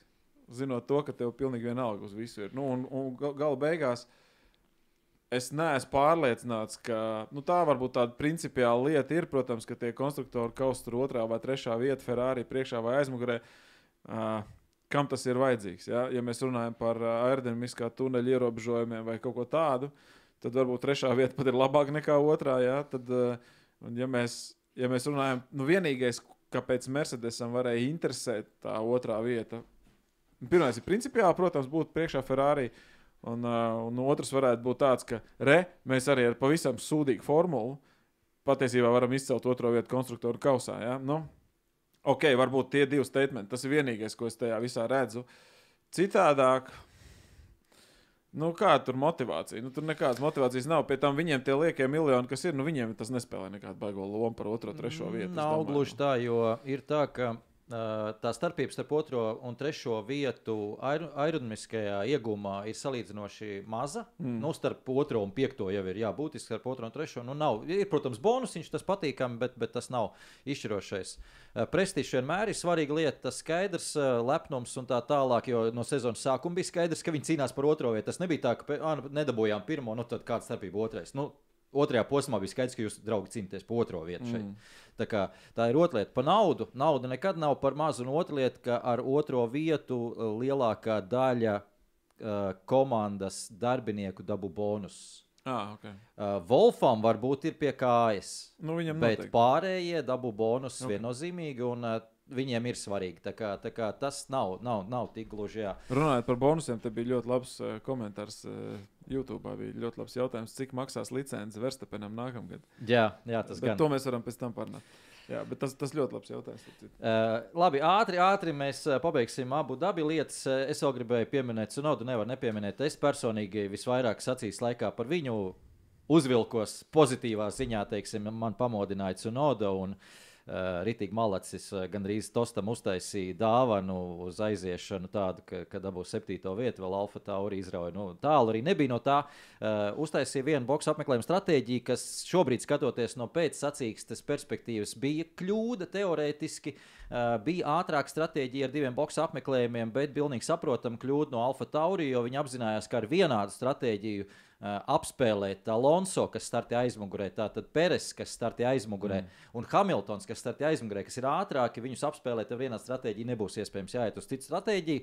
Uh, līdz ar to no tiem trim aizmugurēm noturēja tikai Hamiltonu, bet jebkurā gadījumā baigais malets, tas pirmais nogrieznis ar vidējā sastāvā riepām ļoti garš. Mākt sataupīt riepas temps bija ļoti solīts. Es neteiktu izcils, bet ļoti solīts. Joprojām un super. Punkti, punkti noteikti. Bonus punkti no manis viņam arī. Jā, Viņam ir līgums vispār. jā viņam ir līgums. Jā, nu, labi. Viss kārtībā. Paskatīsimies vēl vienu gadu uz viņu. Es nezinu, man viņš nepārliecina. Nu, kā ir ļoti daudz visu šo, uh, īstenībā ļoti daudz ir Juki fanu. Bet uh, visi tie fani, manuprāt, uh, par viņu fano nepareizo iemeslu dēļ. Kāds ir pareizais iemesls? Pareizais iemesls ir tāds, ka, ja tu esi Formulas 1 pilots, tev jābūt ir ātram, profesionālam un, un, un krūtam čalim. Bet uh, nu, ar Juki ir tā, ka nu, kā, nu, viņš tā kā tāda plīša rotaļlieta. kā, Nu, nu, nu, jā, par viņu, nu, tu viņu nevar dusmoties, tev viņš nevar riepties. Bet no profesionālā viedokļa es uz viņu skatos, domāju, nu, nē, nu, nav. Nu, nu, nu, viņš kaut kad, kaut kad viņam sanāk, kaut kad nē, varbūt viņš kaut ko garšīgi apēd, viņam labs garstāvoklis, viņš mazāk lamājās, tad viņš ātrāk uzbrauc. Tā kā viņam kaut ko tur nav pabarojuši pareizi, tad viņš atkal ir dusmīgs. Ne? Tā kā tāds mazs leprikons. Nu. Nu, tā, tas tāds, nu, tāpēc, tā, nu, ja no profesionāla viedokļa skatās, es absolūti vispār nekādā veidā nefanoju par Jukicu un Nodu. Un tiem, kas viņ, kam viņš patīk, es uzskatu, viņš patīk tikai tāpēc, ka tie nav tādi galvenie iemesli, par ko fanot par, par Formuli 1 pilotu. Kā cilvēks, cita lieta. Viņš ir sirsnīgs, foršs tāds, nu, teiksim, ārpus var redzēt viņa tā attiecības ar Gazlīju savā laikā un viss. Viņš tāds, nu, fans it kā, nu, kā cilvēks ar viņu gribētos varbūt papļāpāt, viņš varbūt patīkams, jā, bet, bet, ja mēs runājam par profesionālitāti, tad, nezinu, man liekas, ka ir, ir kas labāk to darbu var izdarīt. Labi, mēs eh, mainīsim dekorācijas. eh, Proti, viesus mēs tagad laidīsim eh, rasu pie galda un dosim viņai vārdu. Mēs varēsim atpūsties. Uvis arī var atpūsties ar Santu līdz otrai stundai, kad nāks atpakaļ pie galda. Mums vēl divi viesi, kas gatavojas. Es redzu, ka Mārcis jau tur ir iemācījies no galvas jau savu stāstāmo. Jau. Tā kā Jā, tālāk stāvētājs jānodeklamē. Ir Jā. pilnā garumā, bez Eh, pauzēm. Tā, Rasa var sēsties, Rasa stāstīs par uh, līdzteiktu klubu. Starp citu, pavisam ātri, par, kamēr viņa atrod mikrofonu, izstāstīšu par Jukicu Nodu. Tad uh, Jukicu Nodu, kuris samācījies visas tās muļķības. Viņš atnāca uz Eiropu un pirmajās mazajās formulās viņam tur. Uh, sacīkšu inženieri mazajās komandās. Jā, nu mehāniķi jau vienmēr visu šo te arī. Muļķības samācīja, jā, kā, kā lamāties. Un, jo Japāņi jau ir ļoti, ļoti, ļoti tādi cien, cienīgi tomēr kā tauta un tā, tā kultūra viņiem ir iemācīta. Nē, tur ir tīrākais mehāniķa triks visādi. Šitie- Visas tās izrunāšanās. Tas ir mehāniķiem, tas ir visos sportos, man liekas. Bet, ja es ātri varu par, to, par tiem izmēriem, tu teici, leprikons, bet uh, es arī neesmu garākais cilvēks savā draugu lokā. Un tad uh, man, man atsūtīja foršu, foršu memīti, ka mazi cilvēki ir tik dusmīgi un ātri sadusmojās, jo viņi ir uh, koncentrēts, tas ir pa priekšu, un viņi esot tuvāk. Tuvāk ugunī zemē, lai Ā, jā. Elei tuvāk. Helē, to- Ah, nu re, nu re. Nu, redz, jā. Tad Porziņš pēc šīs, eh, pēc šīs analoģijas varētu būt viens no labsirdīgākajiem cilvēkiem. kāds ir. Viņš, jā, jā, jā. Šakils arī. Viņš man liekas, ne, viņš nepaspēja vienkārši sadusmoties. Jā. Kamēr, Galvas kamēr Kamēr viņam aiziet. viņš Jā. jau cit, cit, cit, Labi, Rasa, atpakaļ pie nopietnām lietām. Laikam, tevi Sveiciens nav, Kristapam, īstenībā viņam laba sezona šogad. Kā, ja viņš skatās, tad jā, nav jāstāda tevi priekšā. Visi zina, kas tu esi. Formula 1 līdzutēji kluba. Es, ne, es nezinu, vadītāji vai. vai... Nezinu, mēs ar Lietu Kristofu arī runājam, organizatori. Labi, būs nu ok. tad stāsti pati, tad dodam vārdu tev. Kā jums šogad gāja un ko domājat darīt nākamgad? Jā, nu, ir tikko, tikko divi gadi apgriezušies. Liekas, ka īstenībā ir ilgāk, un tajā pašā laikā liekas, ka tikko tikai to visu sākām. Un nu jau esam vairāk kā pusotrs tūkstotis, 1500 ar kaut ko tā grupā. Un, un man patīk tas, ka tur nu, tā, tā visa tā būtība tajā ir. Kad uh, viss liekas kā savējie. Nu, tur nav tā, ka tu vai satiec dabā, vai dzīvē, vai, vai, vai čatojoties. Tas viss ir, nu, tas, tas viss ir savējie. Un, uh, līdz ar to tad, uh, tā, vide jau pati no sevis jau ļauj tev uh, un, un grib organizēt to visu aizvien vairāk un vairāk. Un tad, uh, tas, ko mēs šogad esam sadarījuši, nemainīgi ir uh, prognožu spēles. Kas ir uh, katru, katru, katru weekendu, tātad uh, aicinām prognozēt uh, uzvarētāju, top 3. Un, uh, attiecīgi, Tad arī ir balvas. Tāpat mums ir bijuši vairāki kopā skatīšanās pasākumi ar visām Viktorīnām, kur paldies liels, lielai Viktorīnai un Zigmundam.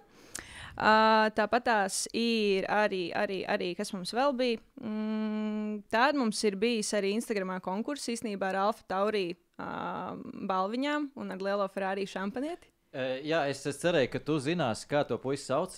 Es ne, neesmu laikam kārtīgi sagatavojies, jo tā puiša balvas arī mums tagad ir, un es dalīšu te Ā, listēm. Jā, es, jā, jā. tev, es pēc tam varu apskatīties, Jā. kā viņi sauc. Kā Mums- mums liels ir, paldies jā. Latvijas, kas strādā Alfa Tauri, atsūtīja jau, jau sezonas pirmajā daļā mums, mums arī. Jānis, Kā... Es negribu samalot, ba, lūdzu, neapvainojies, Jā, Bārtmans, man liekas. Jā, jā, ļoti labi. Jā. Ļoti labi Rasa, ka zina, tā kā, tā kā mēs tavus balvas pietaupījām. Mēs zinām, ka nāks mums cilvēki, tā kā viņiem arī tiks kaut kas no Alfa Tauri. Jā, un tur arī bija uh, mašīnas detaļa, kas nāk virs kaut Es nezinu, kā to komponentīti sauc. Kaut kas šeit no aizmugures, kaut kur pat ir detaļa arī bija tajā visā komplektā. Tā kā, nu, man liekas, tā balva tāda diezgan nopietna priekš tā, tā visa bija. Uh, tad, uh, tad, tad, tad uh, par Fantasy līniju bija Nikam jāstāsta. Bet uh, Kristaps man atsūtīja ziņu, kā es Fantasy nepiedalos, man tas ir pilnīgi melna bilde. Tad uh, viņš teica, lai es noteikti šo pieminu, ka Latvijas Fantasy līnijas džekiem arī paldies.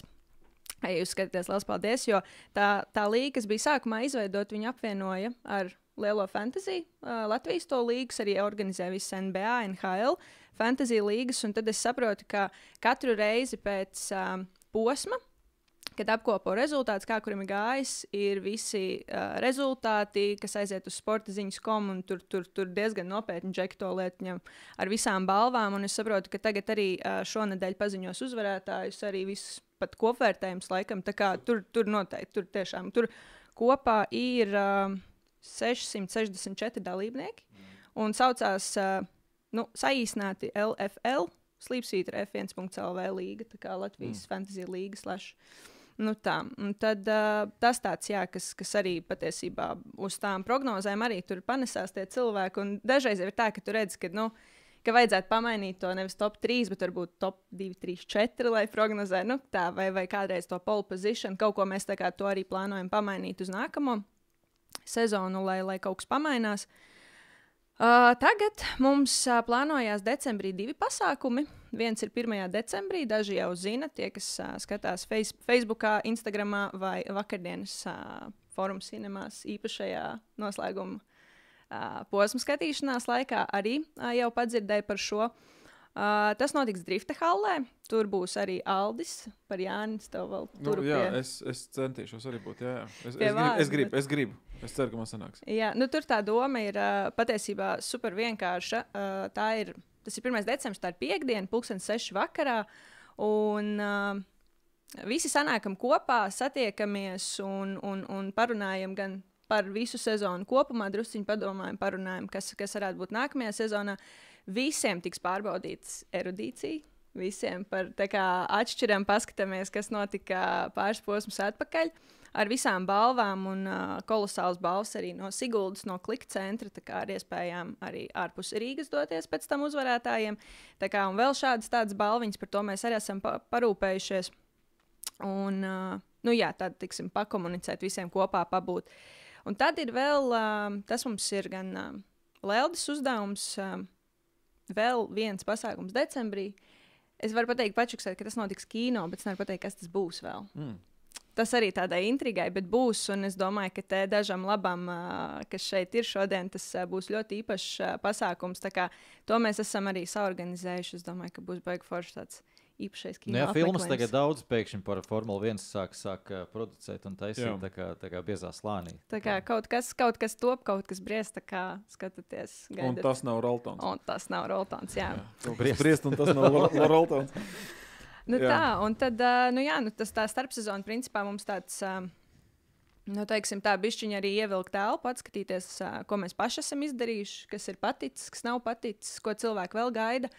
Um, es negribu arī tagad pateikt to, ko, ko, ko mēs gribētu darīt, un mēs beigās viņu neizpildām. Bet viena no lietām, par ko mēs runājām, visa tā mūsu komandiņa, man šķiet, es negribu samalot, astoņi cilvēki mēs esam kopā, ka būtu forša tāda lieta, ka Uh, F1, ABC, ABC, vienalga, kā viņu nosaukt. Jo ir lietas, ko nu, mēs paši zinām, under, jūs paši runājuši, understeer, oversteer. Nu, nevar latviešu iztulkot. Tī kā saprotu, ko tas nozīmē, ja, bet, teiksim, vai nu ar video formātu uh, parādīt. Uh, F1 paši to ir darījuši, ka puiši skaidro, ko, ko kas nozīmē.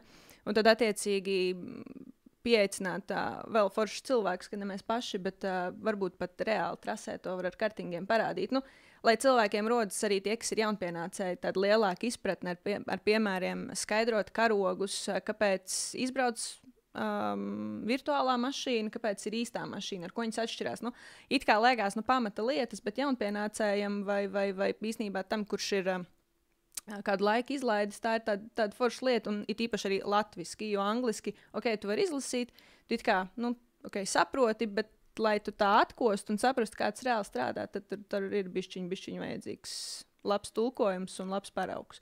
Un tā bija tāda lieta, ko mēs uh, sapratām, ka tā būtu forša. Un uz, tad uz jauno sezonu jau laist ārā. Bet es uh, ne, negribu tagad to solīt vienkārši, lai nesanāk tā, ka es izstāstu, ka būs un beigās nav kaut kāda tehniska iemesla dēļ. Jā, Es varu uzlikt bildi. Uh, man atsūtīja, man atsūtīja nu, bildes. kaut ko. Uh, Kaut jā, ko. bildes atsūtīja. Man lika, Signa te, atsūtīja un teica, ka tās esat jāuzliek. Jā, nu te ir uh, nepilnā, gan uh, nepilnā sastāvā, man šķiet, bet uh, zāle bija principā mums izpārdota. Mēs, uh, tas bija iekšējais pasākums, tas neiet uz ārā. Nu, tas ir tiešām savējiem, dažādu iemeslu arī dēļ. Bet, uh, Facebook grupā šī informācija bija caur mums, tas mm. viss gāja, un, un cilvēki vēl tajā pašā dienā prasīja, vai vēl tomēr nevar tikt. Kā, un, un prasīja uzreiz arī, vai būs atklāšanas uh, seanss, un, un, un, un tā kā kino skatīšanās, skatīšanās patīk. Un, uh, Aldis arī, laikam, es saprotu, pasveicināja visus tur, esot bijuši Jā, man, Gavils. man atsūtīja, man atsūtīja Kristaps, ka vajag pasveicināt. Un es, es parasti neskatos patiesībā sacīks. Laika labi, ka bija tāda bišķi garlaicīga. Es apskatījos, kas kādas ziņas ir atnākušas tiešais laikā. Un Kristaps bija atsūtījis, ka jāpasveicinās. Jā. Jā, un tur esat bijuši Gavils, un uh, visi ir rīktīgi priecīgi bijuši. Un ar uzkodām, ar dzērieniem, tā kā rīktīgs, rīktīgi, rīktīgs kino pasākums. Īstenībā ir tik forši. Es, kad ieraudzīju tās bildes, es domāju, pagaidi, kāpēc es nezināju, ka kaut kas tāds ir. Es varētu, kā, vismaz kādreiz vajadzētu aiziet uz šādu kopīgu paskatīšanos. Tas varētu būt forši. Jā, nu, lūk, un, um, un, un, un, un, un. Tā, un kas tad vēl bija? Nu, jā, protams, protams tur ir ā, tāpat tās um, vēl par kaut ko, par kaut kādu kopā skatīšanos par Viktorīnām, protams, mēs saprotam, ka uh, tas arī iet un cilvēkiem patīk. Un tas, tas laikam visforšākais, ko mēs varam saņemt, ir kopīgā pasākumā, ka pie tevis pienāk un vienkārši ar smaidu uz lupām, jau šis bija forši. Kad mm. mēs tiekamies vēl. Mm. Un man liekas, nu, tik, tik, tik kolosāli. Un tas ir tas, jā, kas motivē un, un, un ka gribās darīt un gribās iepriecināt un uh, savākt tos cilvēkus kopā. Nu, Es jūs visus īstenībā abrīnoju. Tas ir, tas ir itī forši, tas, ko jūs darat. Manuprāt, um, nu, es, es abrīnoju tos cilvēkus, kuriem pietiek entuziasma ar šo visu nodarboties, jo tas aizņem laiku, enerģiju un, un, un arī naudu kaut kādā ziņā un vispārējo. Turpiniet to, ko jūs darat. Es domāju, ka jūs to darat labi. Tā, tā, tie, tie, tas sakotāju daudzums apstiprina, manuprāt, to, ka jūs darat kaut ko ļoti pareizi. Tā kā nu, tikai uz priekšu. Maleči, tiešām. Paldies. Jā, tiešām. Jā, un uh, otrā lieta arī daudz cilvēki arī man ik pa brīdim prasa kaut ko, kādu informāciju par braukšanu uz vietu un, un, un vispārējās lietas. Un, un uh, nav jau grūti atbildēt arī man, bet uh, pēdējā laikā tiešām tās, tie, tie, tās ziņas paliek tik daudz, un man šobrīd ir uh, pilnīgi noteikti viena taciņa viņiem visiem. Uz F1 līdzjutēju klubu, uz Facebook uzdod jautājumu. Es, eh, Tomas Cīrulis man arī nesen sazinājās un eh, prasīja, kā ir uz vietas braukšana. Es teicu, ka tur, tur cilvēki ir bijuši uz vietas un mācīs labāk pastāstīt. Es kā līdzjutējs esmu bijis uz vienu posmu savā mūžā tikai, bet Mēs pārsvarā. tev baigi populārie paliekam. Nespējam vairs Jā, jā. Tā, tā kā, jo, jo es braucot kā, kā žurnālists, noteikti nevaru to pašu. Es nezinu, cik biļeti maksā. Skaidri. Jā, tāpēc, tāpēc es neko nevaru pastāstīt. un Man nav tās pieredzes, bet tur, eh, tur ir rasai pieredze un visiem pārējiem, kas tur braukuši, var izstāstīt, ko kā labāk darīt, kur ūdeni pirkt. Jo bieži, bieži tā ir problēma bijusi Ungārijā. Un, kā, jā. Visur, kur. Bet uh, vēl arī, protams, visi, kas skatās, jā, man ir īpašais sveiciens visai komandai - Lelde, Kaspars, Matīs, Katrīna, Signe, Kristaps, Roberts. Es ļoti ceru, ka ne- neaizmirsīšu, bet uh, visi, visi, kas jūs esat, uh, jums ir milzīgs sveiciens. Bez jums mēs pārējiem noteikti nekā, un uh, tas komandas darbs, tas ir kaut kas kolosāls. Uh, jo nu, mēs arī katrs esam no savas pilsētas patiesībā, gala beigās saliekot.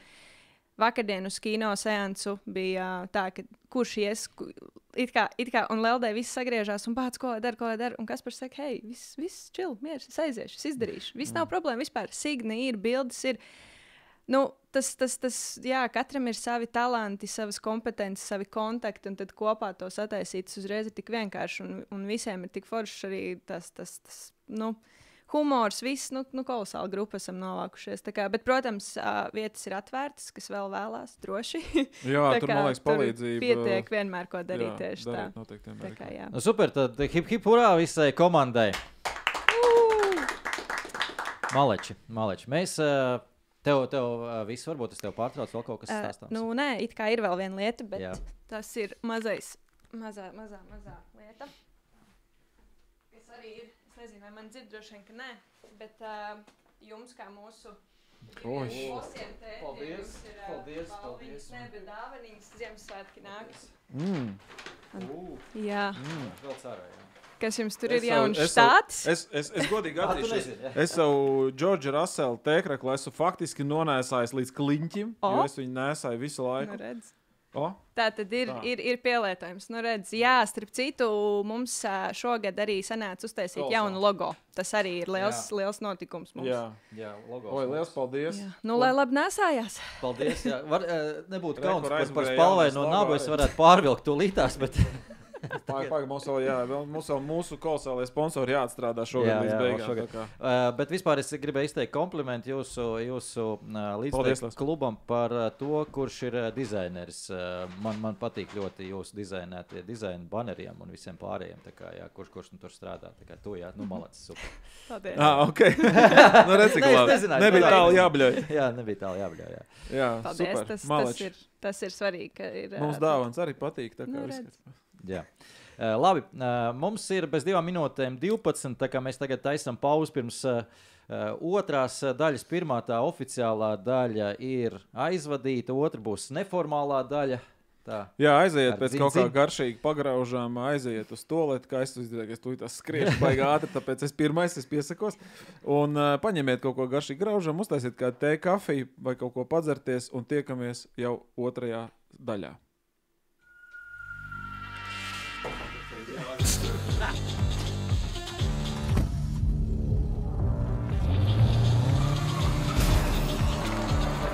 LVBET ātrā izmaksu kazino.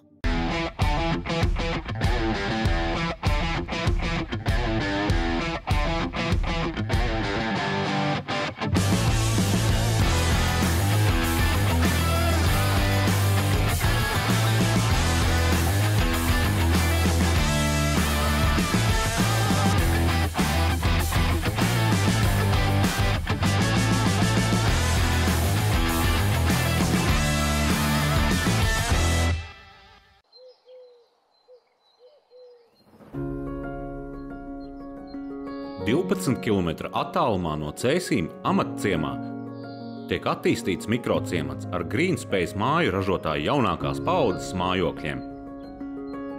Rezervē vienu no desmit pasakainajiem īpašumiem ar energoefektīvu māju tev un tavai ģimenei.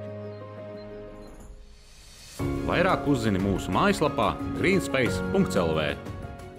Sākums nākotnē, Sportland veikalos. Sagatavojies jaunajai sezonai un izvēlies stilīgās Nike, Adidas, Jordan, Converse, Vans, New Balance un citu pasaulē atzītāko sporta un brīvā laika preču zīmolu, apavu, apģērbu un mugursomu kolekcijas. Sportland veikalos visai bērnu precei un mugursomām 20% atlaide. Viss nepieciešamais jaunās sezonas sākumam Sportland veikalos visā Latvijā un internetā. Sportland LV, Sportland, esi pirmais! We'll be right back.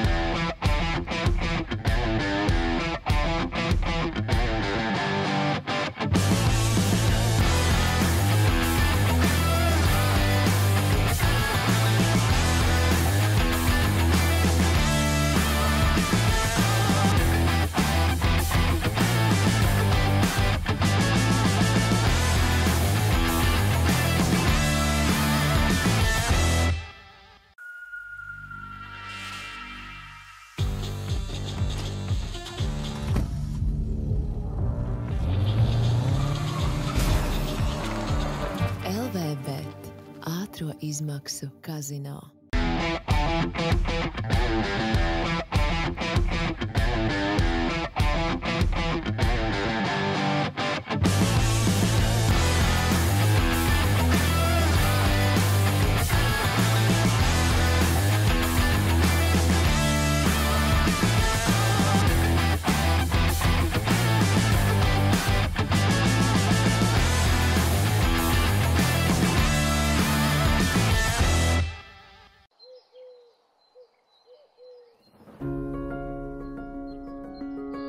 Divpadsmit km attālumā no Cēsīm amatciemā tiek attīstīts mikrociemats ar Greenspace māju ražotāju jaunākās paudzes mājokļiem. Rezervē vienu no desmit pasakainajiem īpašumiem ar energoefektīvu māju tev un tavai ģimenei. Vairāk uzzini mūsu mājaslapā greenspace.lv. Sākums nākotnē, Sportland veikalos. Sagatavojies jaunajai sezonai un izvēlies stilīgās Nike, Adidas, Jordan, Converse, Vans, New Balance un citu pasaulē atzītāko sporta un brīvā laika preču zīmolu, apavu, apģērbu un mugursomu kolekcijas. Sportland veikalos visai bērnu precei un mugursomām 20% atlaide. Viss nepieciešamais jaunās sezonas sākumam Sportland veikalos visā Latvijā un internetā. Sportland LV, Sportland, esi pirmais! LVBet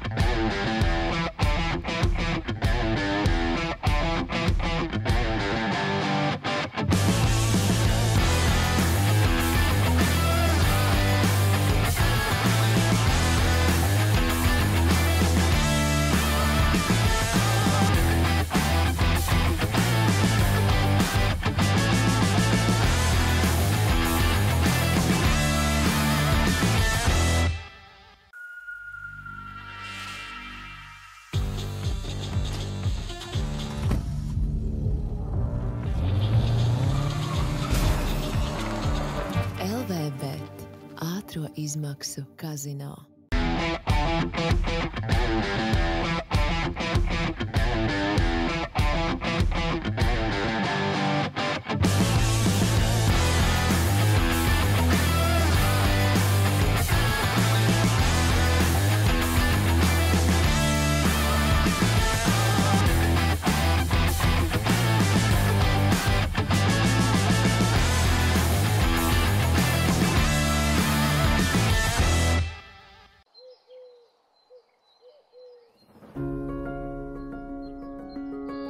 12 km attālumā no Cēsīm amatciemā tiek attīstīts mikrociemats ar Greenspace māju ražotāju jaunākās paudzes mājokļiem.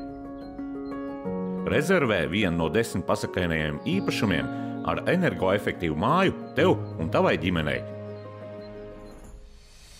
Vairāk uzzini mūsu mājaslapā greenspace.lv.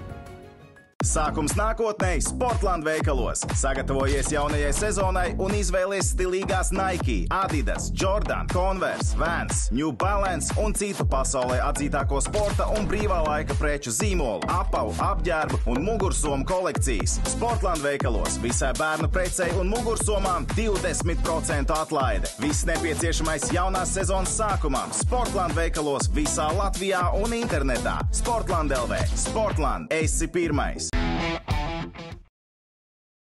Esam apakaļ. Esam apakaļ tiešraidē. Mums bija nedaudz garāka pauzīte. Bija, bija rinda pie Nezinu, es nekur neesmu gājis. Es tā kā sēdēju, tā sēžu. mm, Jānis, kā bulta. Labi, izpriecājāmies nedaudz. Esam atpakaļ, kā jūs teicāt, tāda neformālā otrā daļa. Šoreiz esam apskatījušies to, kas notika Abu Dabī. Tā, tā smagākā lieta ir aiz muguras. Mums tagad jāpievēršas līdzjutējiem. Dosim vārdu arī krietni vairāk viņiem. Mēs arī varēsim bišķiņi atpūsties mm -hmm. no runāšanas. Kaut gan, kaut gan diskusijā es gribu iesaistīties, jo, jo man vienmēr interesējas, uz ko līdzjutēji vairāk skatās. Mēs, mēs varbūt ar Jānu te sēžam kameras otrā pusē un baigi iedomājamies, ka nu, mēs, mēs saprotam, kas viņiem interesē, un mēs saprotam visu, bet uh, nav īsti skaidrs, kāds ir tas viedoklis uh, tajā pusē. Uh, sāksim ar Mārci. Uh, Mārcis ir uh, Red Bull. Fans, jā.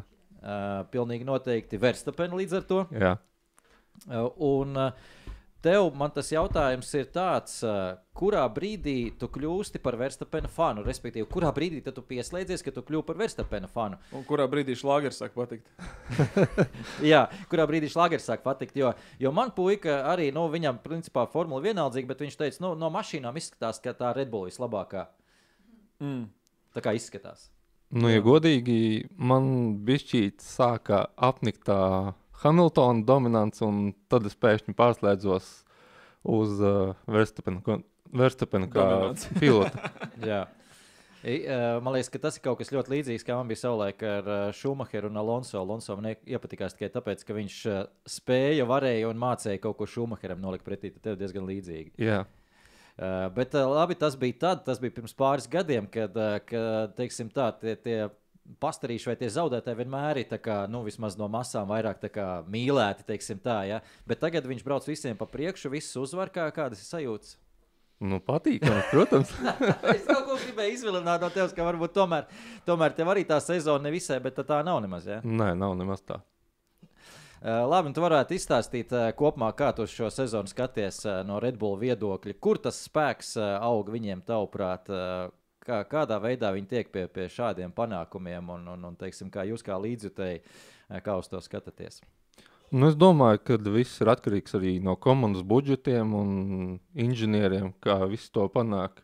Tā kā ir interesanti to redzēt, ka tā formulas bolīts attīstās un arī viss stāvs visu to dara. Un, uh, ir interesanti un reizēm arī liekas, ka ša, šā tādās gonkās šā tad ir. Uh, Uh, Bišķīgi garlaicīgi paskatīties, bet no vienas puses tas uh, atkal aiziet tā kā, mm, kā lai pateikt, uh, ka viss attīstās uz augšu, kad pēkšņi kādā sacīkstē kāds izstājas un tad hops, esi uz piedestāla. Uh, jā, nu, Verstapenam šogad, uh, man liekas, ka liels problēmas nav bijušas. Neskaidrs sezonas sākumā ar uh, Sergio Peresu. Un, uh, nu, te, te ir tā galvenā lieta no līdztev viedokļa. Mēs salīdzinām Sergio Peresu un Maksu Verstapenu. Nu, tu esi Red Bull fans, tu arī fano, fano par uh, Peresu. Šeit tad tādās gonkās, jā. Kad, uh, Kurās gokās tieši tu fano par Peresu? Atšķirībā kā kurā posmā. Tad, ja viņam ir izdevība tikt uz piedestāla, tad uh, man ir prieks, ka ir mm, dubultins. Jā. Skaidrs, bet nu, tādas reālas uh, cerības, ka Peres varētu pacīnīties ar Verstapenu kaut vai nākamajā sezonā par titulu. Tev Nu, ir? es domāju, ka tā nebūs ļoti, ļoti nebūs tāds ba, mm, baigā konkurence starp Perezu un Verstapenu. Man starp citu, ja mēs esam aizskāruši šo te Red Bull tēmu, tad uh, es braucot uz šejienu, domāju, es, nu, tā kā visu laiku kāds tur saka, jā, nu iesēdināt vēl kādu citu tur tajā Red Bull formulā, kas nu būs. Un tad es tagad domāju, ok, nu pieņemsim, tagad sēdinam kādu citu Peres vietā, tajā Red Bull formulā blakām Verstapenam. Nu, pieņemsim, ka tāds notiek kaut kā tāda lieta. Kuru? Un kurš, manuprāt, piemēram, no visiem pilotiem, kas ir šobrīd padokā, kurš varētu nu, kā tiešām pieklājīgi konkurenci e, tā kā, nu, sastādīt Verstapenam? Un, uh, godīgi sakot, nu, pirmie, kas nāk prātā, ir viņa tur cīņa biedri, ja tur uh, Leclerc, Norris, bla, bla, bla, jaunie uzlicošie ātrie ceļi. Ja?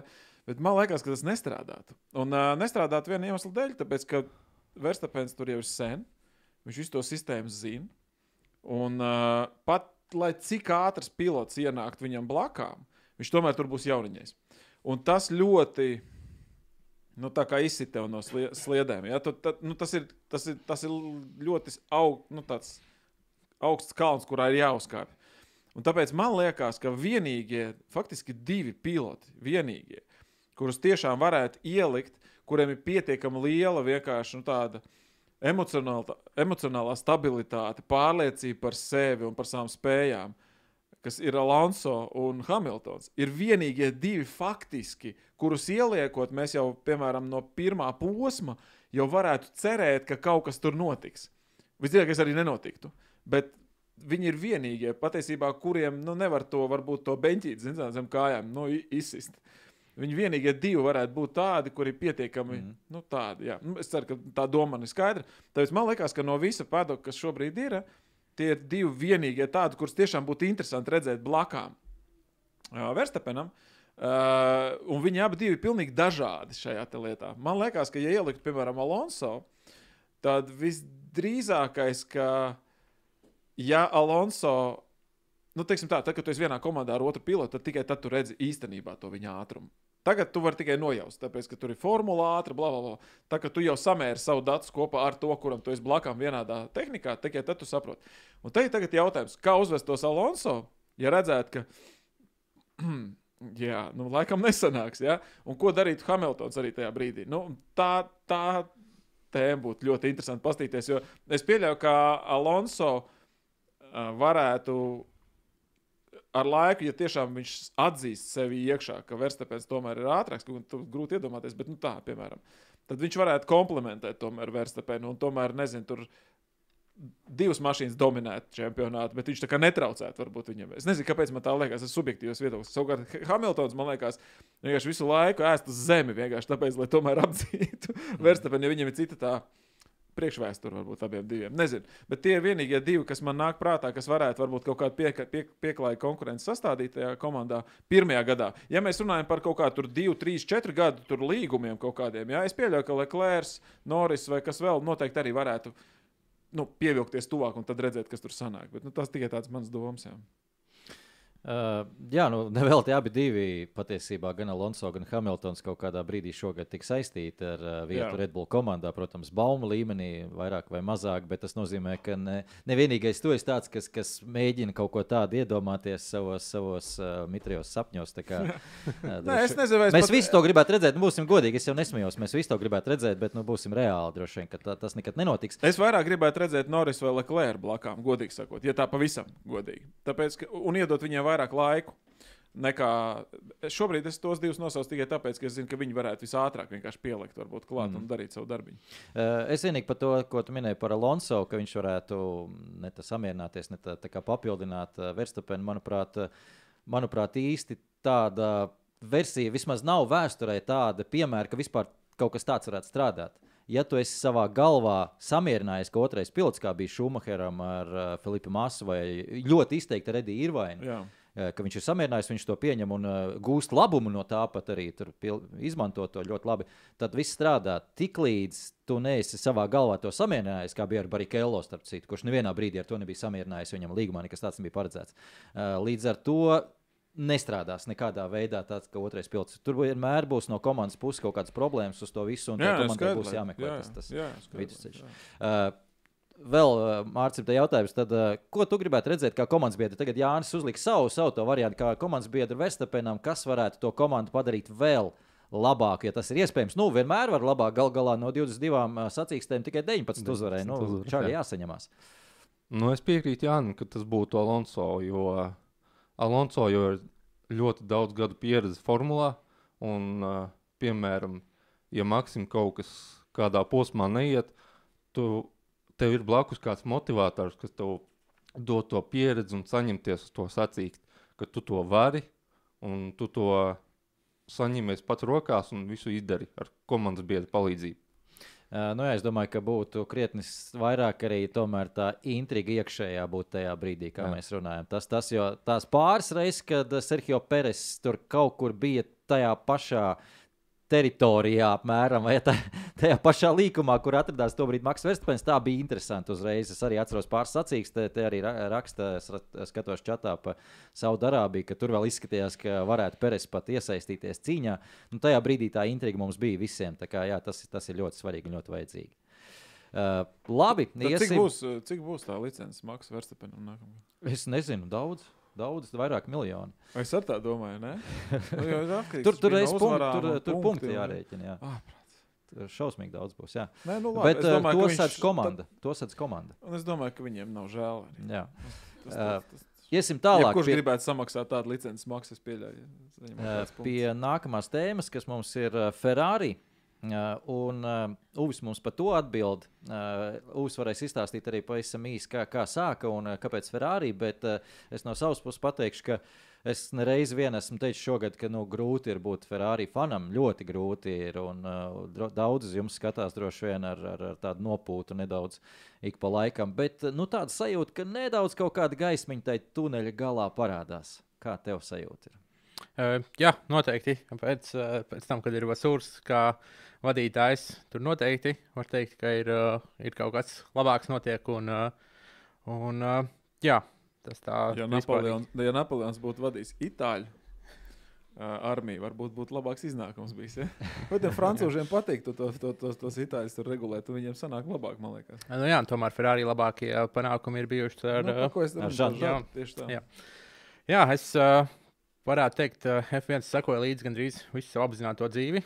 Tā teikt, uh, grūti pateikt, kad tas ir sācies visticamāk, tā, ja tā mēģina. Nu, Tīt kaut kādu filmu atpakaļ un skatīties. Tas varētu būt kādā ģimenes pasākumā. Mācis Brālāns ir pajautājis, lai ieslēgtu fonā F1. Un tad uh, tādam 6, 7 gadus vecam puikam, kas vēl vairāk interesē, ka kaut kādas mašīnītes braukā apkārt. Un tad, protams, tie ir 2000. gadu sākumi. Attiecīgi arī Nu, jā, Ferrari, Schumachers un Bez variantiem. Tā, jā, sekošana, sekošana līdzi. Un, uh, un tomēr arī var teikt, tā, kā tāds patriotiskais, ka Ferrari ir vienīgā tādu ar burgundijas sarkanu arī savā teikt, tradīcijās, kas ir latviešu sarkans arī savā ziņā. Tad tāda var uh, salikt kaut kādas paralēlas vēl kopā. Nu, jā, un tā arī tā interese par Ferrari un uh, ir turpinājusies vairākus gadus uz priekšu. Un, uh, kā ir būt Ferrari fanam? Uh, gandrīz tieši tāpat kā jebkuram uh, citam ne Red Bull fanam. Nu, Iedomājieties, ka tu esi Jā. pie psihologa tagad. Jā, Jā. izstāsti mums, Jā. kā, kā tad ir. Paraudi. Jā, uh, Atgulies. Jāsaka, jau tā, ja, ja fanotu līdzi tikai uzvarētājiem, tad vai būtu kāds Viljams fans, vai Hāzes Mm. fans, vai Alfa Romeo fans. Nu, tas, tas jau nav tāds. Jā. Es, es dziļi cienu visu. Jā, jā.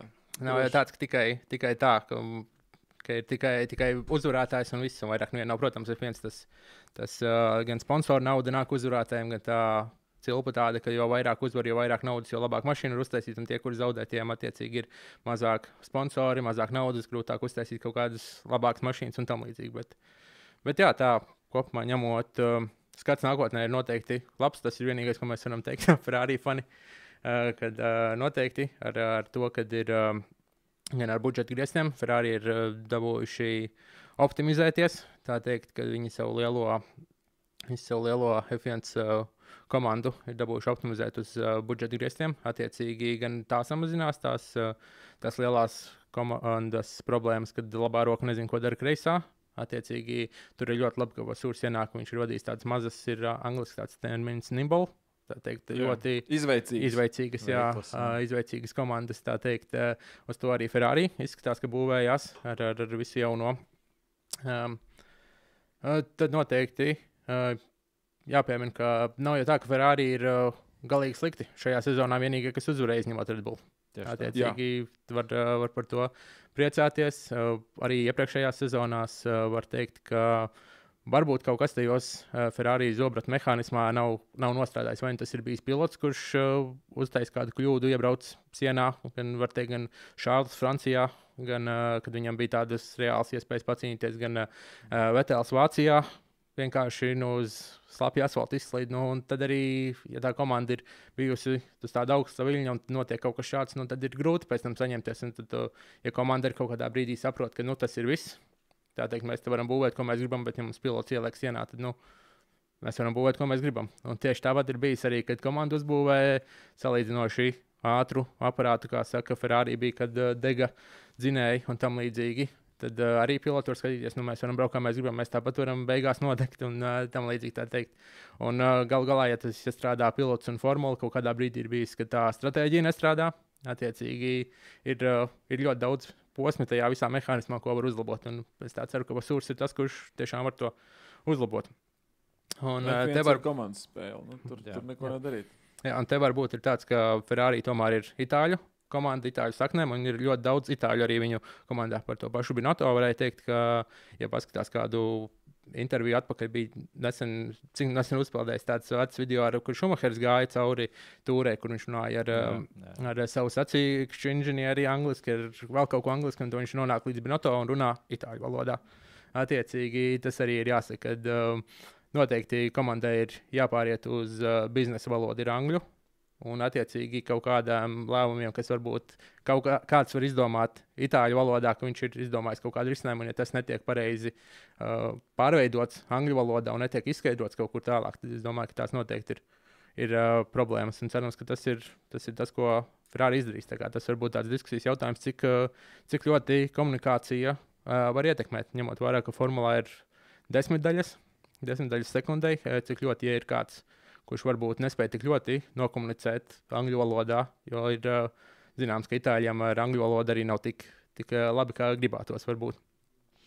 Es saprotu, par valodu. Es atceros nu, pat eh, ļoti interesantu piemēru no tie, kas skatās Brown GP to filmu, vai, vai, vai ir skatījušies, vai nostījušies, vai taisās skatīties. redzējis, jā. Tad uh, tur bija tieši par šo, jo noteikumi ir rakstīti, kā jau uzteica, uh, angļu valodā, nu, biznesa valoda uh, ir angļu valoda un, un valūta ir dolārs. Vienmēr bijis Formulā 1 kopš pēc Niklstona laikiem jau, un noteikumi rakstīti angļu valodā. Un tie, kas angļi ir, kas lasa tos noteikumus, attiecīgi arī to valodu, kādā tas ir pasniegts, uh, nu, saprot, kas ir ar to domāts. Un patiesībā to, to caurumu tajos noteikumos pamanīja uh, vācietis pēc tautības, jo viņš angļu valodu skatās kā uz otro valodu un ņem viņu pēc būtības, nevis pēc tā, ka- kas ir domāts. Un, un tas, tas, bija, tas bija tas caurums, kas, kas bija uh, Brauna deva to iespēju arī uztaisīt to dubulto difuzoru. Bet, nu, labi, tas tā nedaudz no, uh, nogāja no taciņas. Uh, Par Ferrari pavisam ātri arī gribēju teikt par to itāļu uh, kontingentu komandā. Jo, kas ir ar Ferrari, cik, cik vienmēr ir būtis kaut kur Ferrari tūmā, tad nu, ir nedaudz cita sajūta par Ferrari, ka tā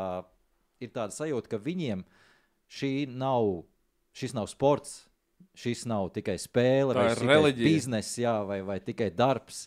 Tas ir krietni kaut kas vairāk, un, un tam vienmēr ir, ir, ir atsitiens. Protams, ir pozitīvā lieta, jo tu skaidrs, ka tu bez ierunām strādāsi arī naktīs un brīvdienās, un esi gatavs visu tam veltīt. Bet ir otra lieta, ka tev tas ir nenormālais stress, krietni vairāk, lielāka atbildība tev liekas par katru tavu kustību. Ir, un tas var iegriezt, protams, negatīvi ļoti kaut kādā mirklī, kad tu aizmirsti tā domāt ar galvu, tu domā ar sirdi tajā brīdī un, un, un ar emocijām. Un, un, tur ir jāmēģina tas līdzsvars atrast, un tas ir pilnīgi noteikti no. no no vadības. Un tas modelis, kas bija Žanam Todam un Rosam Braunam, toreiz Rosa Brauna grāmatā, nu, ļoti skaisti. Tas viss ir aprakstīts, ārkārtīgi skaisti. Viņš to apraksta, eh, ka, ka tā ir ideālākā vieta, kur viņam. Kā inženierim izpausties, jo tas, kas ir Ferrari, nav nevienai citai komandai. Un tajā laikā vēl jau vairāk, jo bija palīdzība no Fiat, visas tās tehnoloģijas, visas iespējas.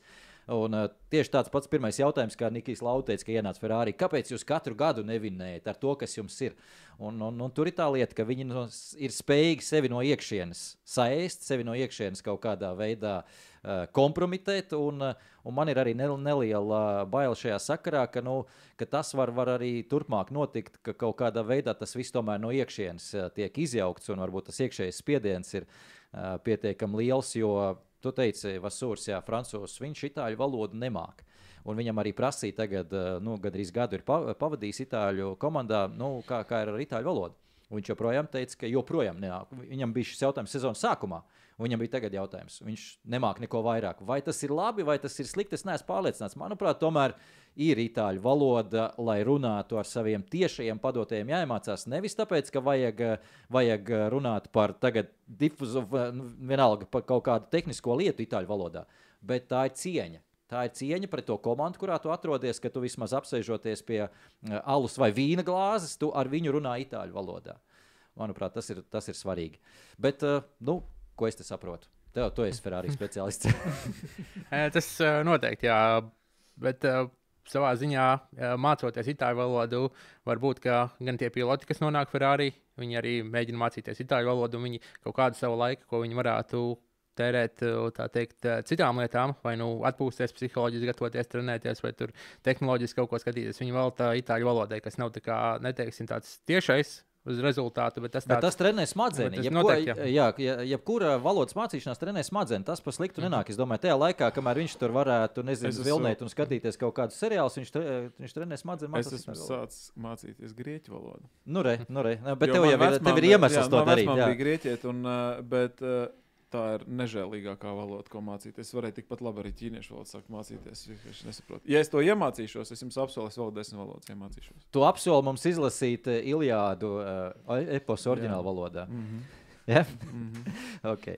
uh, jā, labi, atpakaļ pie Ferrari. Mums vēl īsts brīdis ir parunāt par Ferrari. Tomēr uh, man vienmēr tā, tā nedaudz arī sāp par, par- par Ferrari, jo patiesībā uh, pēdējais tituls tagad viņiem joprojām ir Kimi Raikonen tituls. Un, uh, viņiem tā lielā pauze bija. Es atceros, ka tajā laikā mēs visu laiku skandējām, ka Džodijs Šekters izcīnījis pēdējo čempionu titulu 79. gadā, un joprojām neviens nav to izcīnījis. Un Mihails Šumahers bija pirmais, kas to paveica, un tā bija milzīga pauze. Un Ferrari, ja paskaties atpakaļ vēsturē, tādas pauzes nav bijušas pirms tam tajā laikā. Tagad tās pauzes ir milzīgas pa vidu. Un Kāpēc, kāpēc es teicu par to, ka Ferrari ir uh, grūti un tā? Katru gadu mēs pēdējos, nezinu, nu jau 15 gadus, nu varbūt nākamgad. Nu varbūt nākamgad. Un šo, šodien. Uh, Ar Alonso. Jā, un Ar šodien. Feteli. Var, principā var teikt to pašu. Tu saki, nu varbūt nākamgad. Jā, protams, tas ir tāds. Bet uh, arī nu, visiem jau ir jāskatās kaut kādās, var teikt, uh, citās papildus lietās. Jo, teiksim, Ferrari savā ziņā varētu teikt, ka ir arī kā platforma braucējiem. Jo vai es fanotu par Kimiju, ja viņš nebūtu braucis Ferrari? O, jā. Nu, tā, Nē, gan, jā, gan jā, nē. Kimi, tas jā, Kimi ir ārpus Kimi- konkurence. Kimi jā. ārpus, jā, bet bet nu ja tā- mēs runājam par uh, to, varbūt nākamgad, nu, protams, mēs to varam teikt arī par Viljams, piemēram. Jā. Nu, jo Viljams arī kādreiz bija varena komanda, un tagad kas, nekas, jā, nu labi, šogad ir pieklājīgāk, bet, nu, tā. Tā kā, nu, nav, ja, es, nu, tādā ziņā, ka mēs te baigi tagad mēģinam, zin kā, no, nomīcīt uz to, to nabaga Ferrari. Nē, nē, nē, jau- nē. Pirmkārt, man jāsaka, ka Ferrari fani laikam ir tie, kam ir um, iecietība vai cerības ir uh, lielākā mērā apveltītas no dabas nekā pārējiem. Tā kā ar to es tev apsveicu. Tad, tad to vajadzēs ļoti daudz. uh, Bet es arī, piemēram, ļoti gribētu, nu, tāpat Bernijs Eklsons savā laikā teica, ka Ferrari ir Formula 1 un Formula 1 ir Ferrari. un Tas nozīmē, ka uh, bez Ferrari Formula 1 nebūtu tāda, kā tā tagad ir. Vai kāda tā ir bijusi jebkad. Tā Tā, tā, tas ir viens no galvenajām, sastāvdaļām, ir tieši, tieši tas, ka ir tas Ferrari Formula 1. Un tāpēc eh, es uzskatu, ka ja Ferrari eh, tuvākajos gados būs kāds uh, pasaules čempions ar Ferrari, tas būs ļoti, ļoti forši. Uh, jā, uh, man te Līdz palīdz. viņš netic. Nē, es, es, es novērsos. Man, man ir čats visu laiku ar, ar režisoru, un, un, un nepārtraukti mēs mainām podziņas. Uh, man ir uh, palabojis Nauris uh, vizuāls, ka tas bija Japāns, nevis Vācijas par to Brown GP. Ok. Tā, tā kā cilvēks skatās. Un vēl Nauris uzrakstīja, kas ir krietni interesantāk. Zina, cik ir licences maksas. Nu, viņš ir sarēķinājis, tā kā, ja kas viss pretenzijas Naurim, licences maksas, kas jāmaksā Verstapenam, būs uh, 1 miljons 200 tūkstoši 100. Nu, tur tur ir kapeiks. Tās ir kapeiks. Jau 17,000 tur kaut kāda 1,2 miljoni vies- i- vienvārds sakot. Jāmaksā hmm. licences naudā. Un ir jautājums, jā, kā, kāpēc komanda maksā? ā, Jo nu, tas būtu dīvaini, likt pilotam maksāt, ā, jo komandai ir svarīgi tas, ka pilots nes tos punktus, un ir piloti, kas tik daudz nepelna. Nu, labi, tik daudz viņi arī līdz ar to tos punktus nenopelnīs. Bet Bet tas budžets grieztos arī. Ja? Nē, tas neiet budžeta Ah. griestos, jo to, protams, FIA ļoti labi ir izrēķinājuši, jo tā nauda aiziet FIA. Uh, Mm. lai grieztos tas aparāts, un skaidrs, ka paceltos uzreiz briesmīgas, briesmīgas uh, pretenzijas, ja tas vēl iet budžeta griestos, un mēs maksājam jums miljonus. Nu jā. tā, kā, tā kā skaidrs, protams, tas neiet budžeta griestos. Uh, labi, uh, Ferrari tēmu mēs laikam varam. Tu vēl kaut ko varbūt gribi piebilst? Nē, nē, pietiks. Uh, Pareizi, vēl pēdējais jautājums man te bija kā Ferrari līdzstājam. Uh, par to, kas tad tu esi īsti Ferrari vai Leclerc vai, vai Sainz līdzstājs. Kas nāk pa priekšu, teiksim tā? Es Komanda. noteikti esmu Ferrari līdzekļs. Attiecīgi arī. Nav eh, starpība, kāds pilots, principā. Jā, teici. principā tas es vienalga esmu Ferrari līdzekļs. Tā arī ja, kā kādreiz tev, piemēram, Alonso, Alonso sagādāja prieku, uzvarēja Šumacheru. Man atkal tas ir otrā pusē. Esmu bijis, ka Alonso uzvarēja Šumacheru. Un tad ir, protams, bijusi tā, teikt, tāda. Salds ar sajūtu, ka Alonso nonāca Ferrari. Un tad ir tā kā, jājūt līdzi kādam, kur, kur kā, kas tev nepatika. Kurš tev kā, Super, jā. jā, super. Jā, tā kā. Šis ir labs. Šis ir ļoti labi. Jā. Labi, paldies, kungi. Paldies, Mārcis. Paldies, Paldies. Uvim. Mums uh, tagad uh, laidīsim nākamos pie galda, kamēr te notiek mums dekorācija maiņa. Uh, es izstāstīšu par Tomasu pavisam ātri, jo mums. Uh, Iepriekšējā nedēļas nogalē reizē ar Abu Dabī bija posms Sepangā, tātad Formula 4 Dienvidu Austrumāzijas čempionāts pamodies pēc, pēc uh, ziemas miegiem, jo Covid tajā galā ilgi neļāva neko ko darīt. Un otrais posms Sepangas trasē, kur savulaik arī formulas brauca, mm, uh, Tomas, uh, Tomas devās tur piekdienas, sestdienas, svētdienas kopā divas kvalifikācijas, viena sacīkste. Principā no paša sākuma jau top 5 laiki visur ir pretī piloti, kam ir krietni lielāka pieredze, kas brauc F3 jau. Uh, nu, tie galvenie konkurenti, es teiktu, savā komandā. Tas pats Nakamura Berta, kas, ir, uh, kas bija viņa konkurents arī pasaules čempionātā, Kartingā bija viņa komandas biedrs. Ar to viņš vairāk cīnījās. Un, nu, ar to, uh, kurš arī turklāt tiek uzskatīts tajā viņa paudzē un viņa metienā, kā, kā baigā zvaigzne, mm -hmm. uh, nākamā zvaigzne. Uh, un uh, līdz ar to ar viņu bija ļoti līdzvērtīgi rezultāti. Uh, Tomas ātrāks, Berta. Bet beigās arī trešā vieta. Un tā galvenā lieta, ko arī Haralds stāstīja, mm, ka tas galvenais, uz ko viņi paši gāja, un kas galvenais, kas pašiem mērķis bija, ka no katras nākamās sekcijas, katru nākamo sesiju uh, tu progresē. Mm -hmm. Tu strādā ar sacīkšu inženieri, tu meklē un tu progresē. Tu atrod tajā līkumā, tu tajos līkumos lietas klāt, un tu ej visu laiku uz augšu. Mm -hmm. Un tas ir ticis izdarīts, tas ļoti skaisti parādās aplēkos.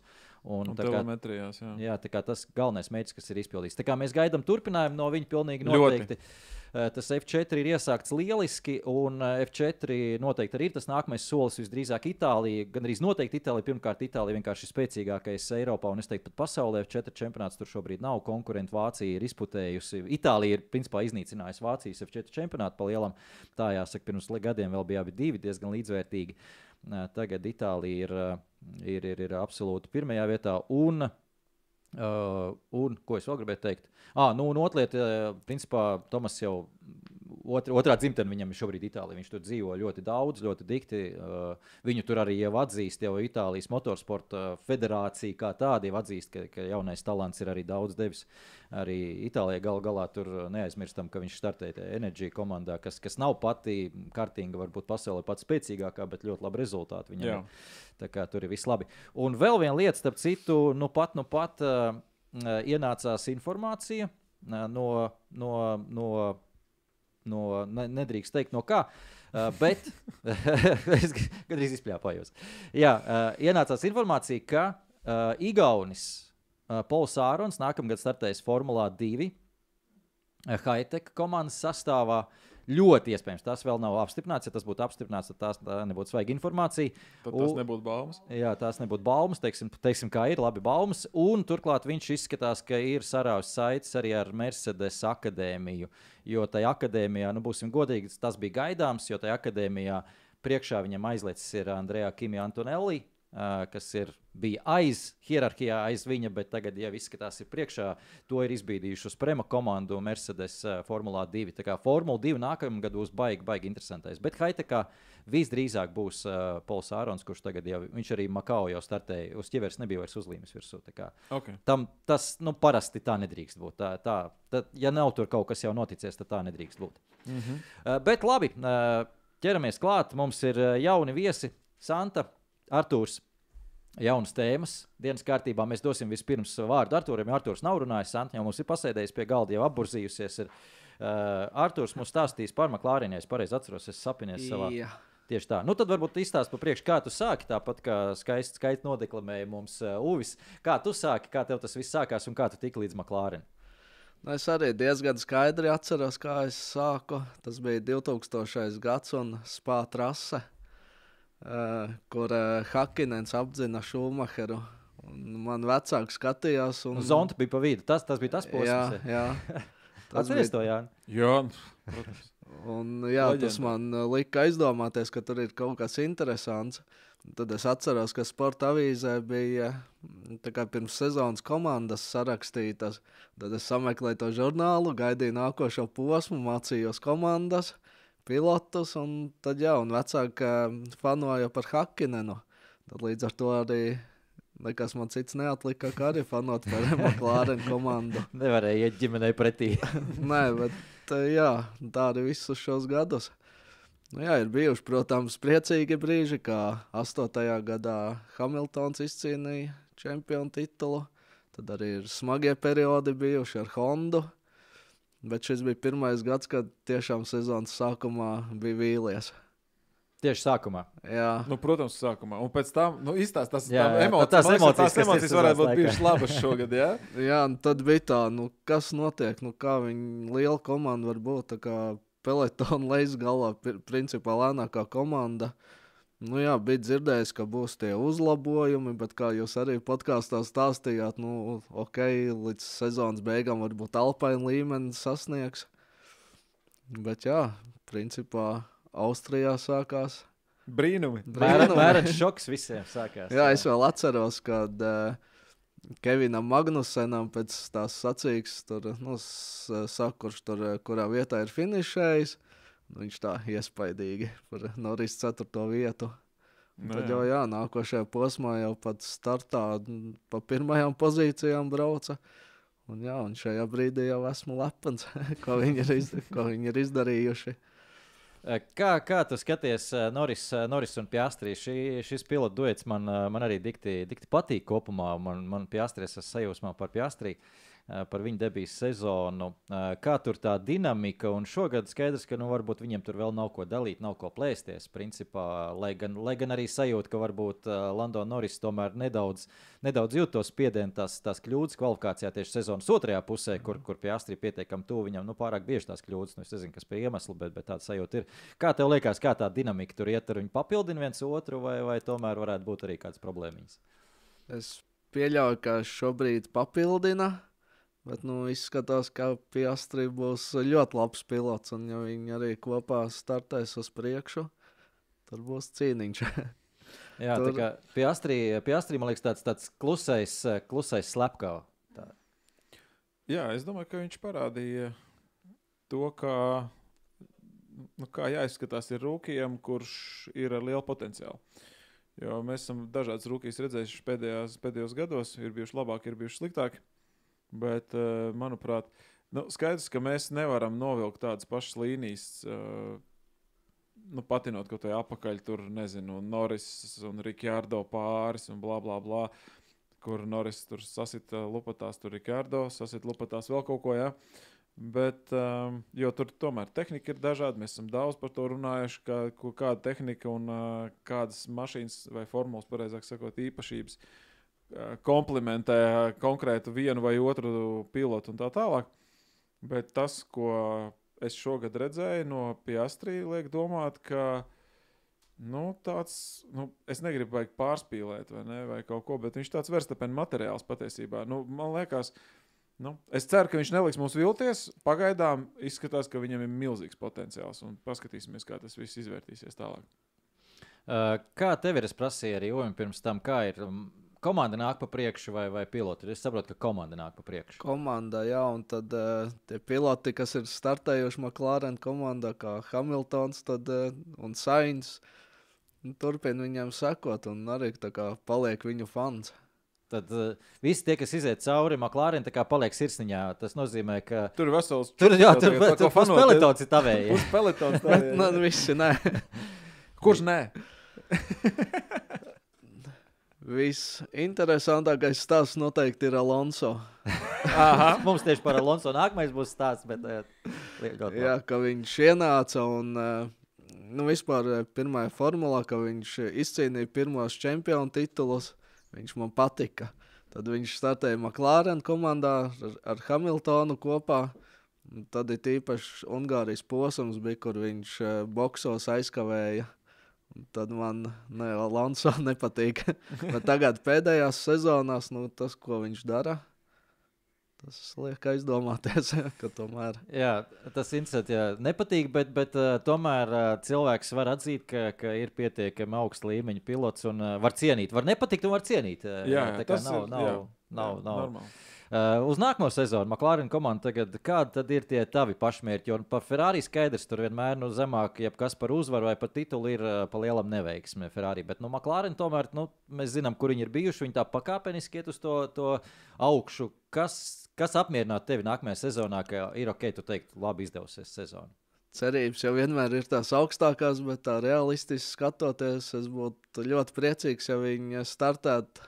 Uh, startā būtu ša, tāpat kā šajā līmenī, tā top 4 komandā, komanda sastāvā.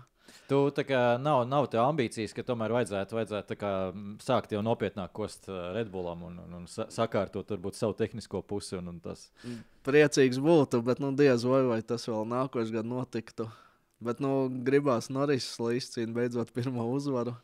Jā, tas gan. Tā, jā, tas to varētu. Jā. Tie Jāsāk pa maziem solīšiem. Eh, Jā, starp citu, Norris pirmā uzvara. Nu, šeit daudz jau tiek runāts par to, ka nu, tas jau ir tā, tāda psiholoģiskā trauma jau šobrīd Landonam Norrisam. Eh, Jo tā ir vēl viena lieta, nu, tu, tu neesi varbūt tāds izteiks Landonam Norris līdzstājs, bet tomēr es gribu pajautāt, varbūt pāri arī var kaut ko piebalsot. Kā tad īsti ir jūsuprāt tas, ka viņš ir tik ļoti paškritisks? Jo viņš ir ārkārtīgi, un tā nav slikta īpašība. Pilnīgi noteikti tā nav slikta īpašība, bet man visu laiku ir sajūta, ka viņam tas ir aizgājis otrā grāvī ka viņš uh, tik ļoti sevi šausta, ka tas jau viņam, viņam pašam sāk, viņš pats sev uzliek spiedienu nākamajam posmam. Un par to runāja arī Andrejs Stēlis. Par to teica, ka, ka mums ir dikti jāpieskata Lando, lai viņš tā nedarītu. Ka viņš pa daudz to saka. Un par žurnālistu pēdējā posmā par žurnālistu teica, nu, tā, ne, nevajag Lando, nav tik traki. Nu, iedomājieties, ka intervijā par žurnālistu šitā saka, nu, tas tiešām ir traki. Man liekas, ka nu, jau viņš sevi, sevi ir iedzinis. Jo kārtējā kļūda bija kvalifikācijā, un viņš teica, nu, es varu sestdienā vispār nenākt. Pirms savu pirmā čempionu titulu izcīnīšanas es biju trīs gadus otrais. Un uh, iezogās tāda doma prātā, ka varbūt es esmu numur divi. Ja? Nu, kaut kādā ziņā, nu, ka varbūt man nav lemts. Bet tad ir kaut kā tā cikliska. Zini, kā, es domāju, ka tā problēma Landonam Norrisam varētu uh, būt no šī ļoti superintensīvā kalendāra. Nu, tu tā kā tev nav pat laika īsti atgūties morāli no viena uz otru. Nu, Ceļš, ja tur ir kaut kāda tā saucamie triple header un tā tālāk, ka tur trīs sacīks pēc kārtas katrā brīvdienā, tev jau nav īsti pat laika. Un, ja tev vēl tur ir tāda stundu atšķirība kaut kāda, un tur nu, tie- ceļojumi vispār, tas kalendārs ir tik intensīvs. Ka tev nav īsti laika pat apsēsties un padomāt, vai savākties. Nu, ka, nē, nu es tomēr varu uzvarēt kādu sacīkstu. Labi, mēs runājam par šogad. Šogad pirmā vieta bija aizņemta. Jā, tad tur nu, nebija vienkārši pirmās vietas pa lielam. Jā, bet kopumā es domāju, ka, es domāju, ka šī starpsezona kārtējo reizi uh, un šis te labais nogrieznis otrajā sezonas pusē, kur Maklārens parādīja, ka viņu formula ir patiesībā otrā ātrākā uz doto brīdi. Un es domāju, ka nu, viņi nenokritīs neko baigi zemu. Es domāju, ka tur, tur darbojas. Viņi, viņi tāpat būs kaut kur turpat augšgalā arī nākamā sezonas sākumā. Es gribētu tā ticēt. Tad uh, tas varētu tomēr. Nu, jā. un atkal jācer, ka Verstapēna dominants neturpināsies tik pārmērīgā veidā kā šogad. tad es domāju, ka viss būs kārtībā. Nu, tur, ir, tur vienkārši ir nepieciešams restarts. Man, man tas bija arī. Man bija man vienkārši tā, ka pēc trešā gada, kad tu esi otrais, tad tu vienkārši, tad, ok, ko es daru nepareizi. Vai ko es, ko es varu darīt savādāk, nekā es darīju līdz šim. Un tad līdz, tu visu laiku spēlē tā, tā kā nosacīt drošajā režīmā. Jo tu taču esi pietiekami ātrs, kā tu vari kādu sacīkt, vinēt, un kaut kur tu turpat esi. Un tev bail varbūt pat kaut ko savā lietās mainīt. Tikai tāpēc, ka, ja tu samainīsi, varbūt būs vēl sliktāk. Jo tagad tu esi jau nu, kaut kur gandrīz turpat. Tā ir tā psiholoģiskā galvenā lieta, kas jāņem vērā. Jo es, es, es vienkārši paņēmu vienkārši izravēju visu ārā.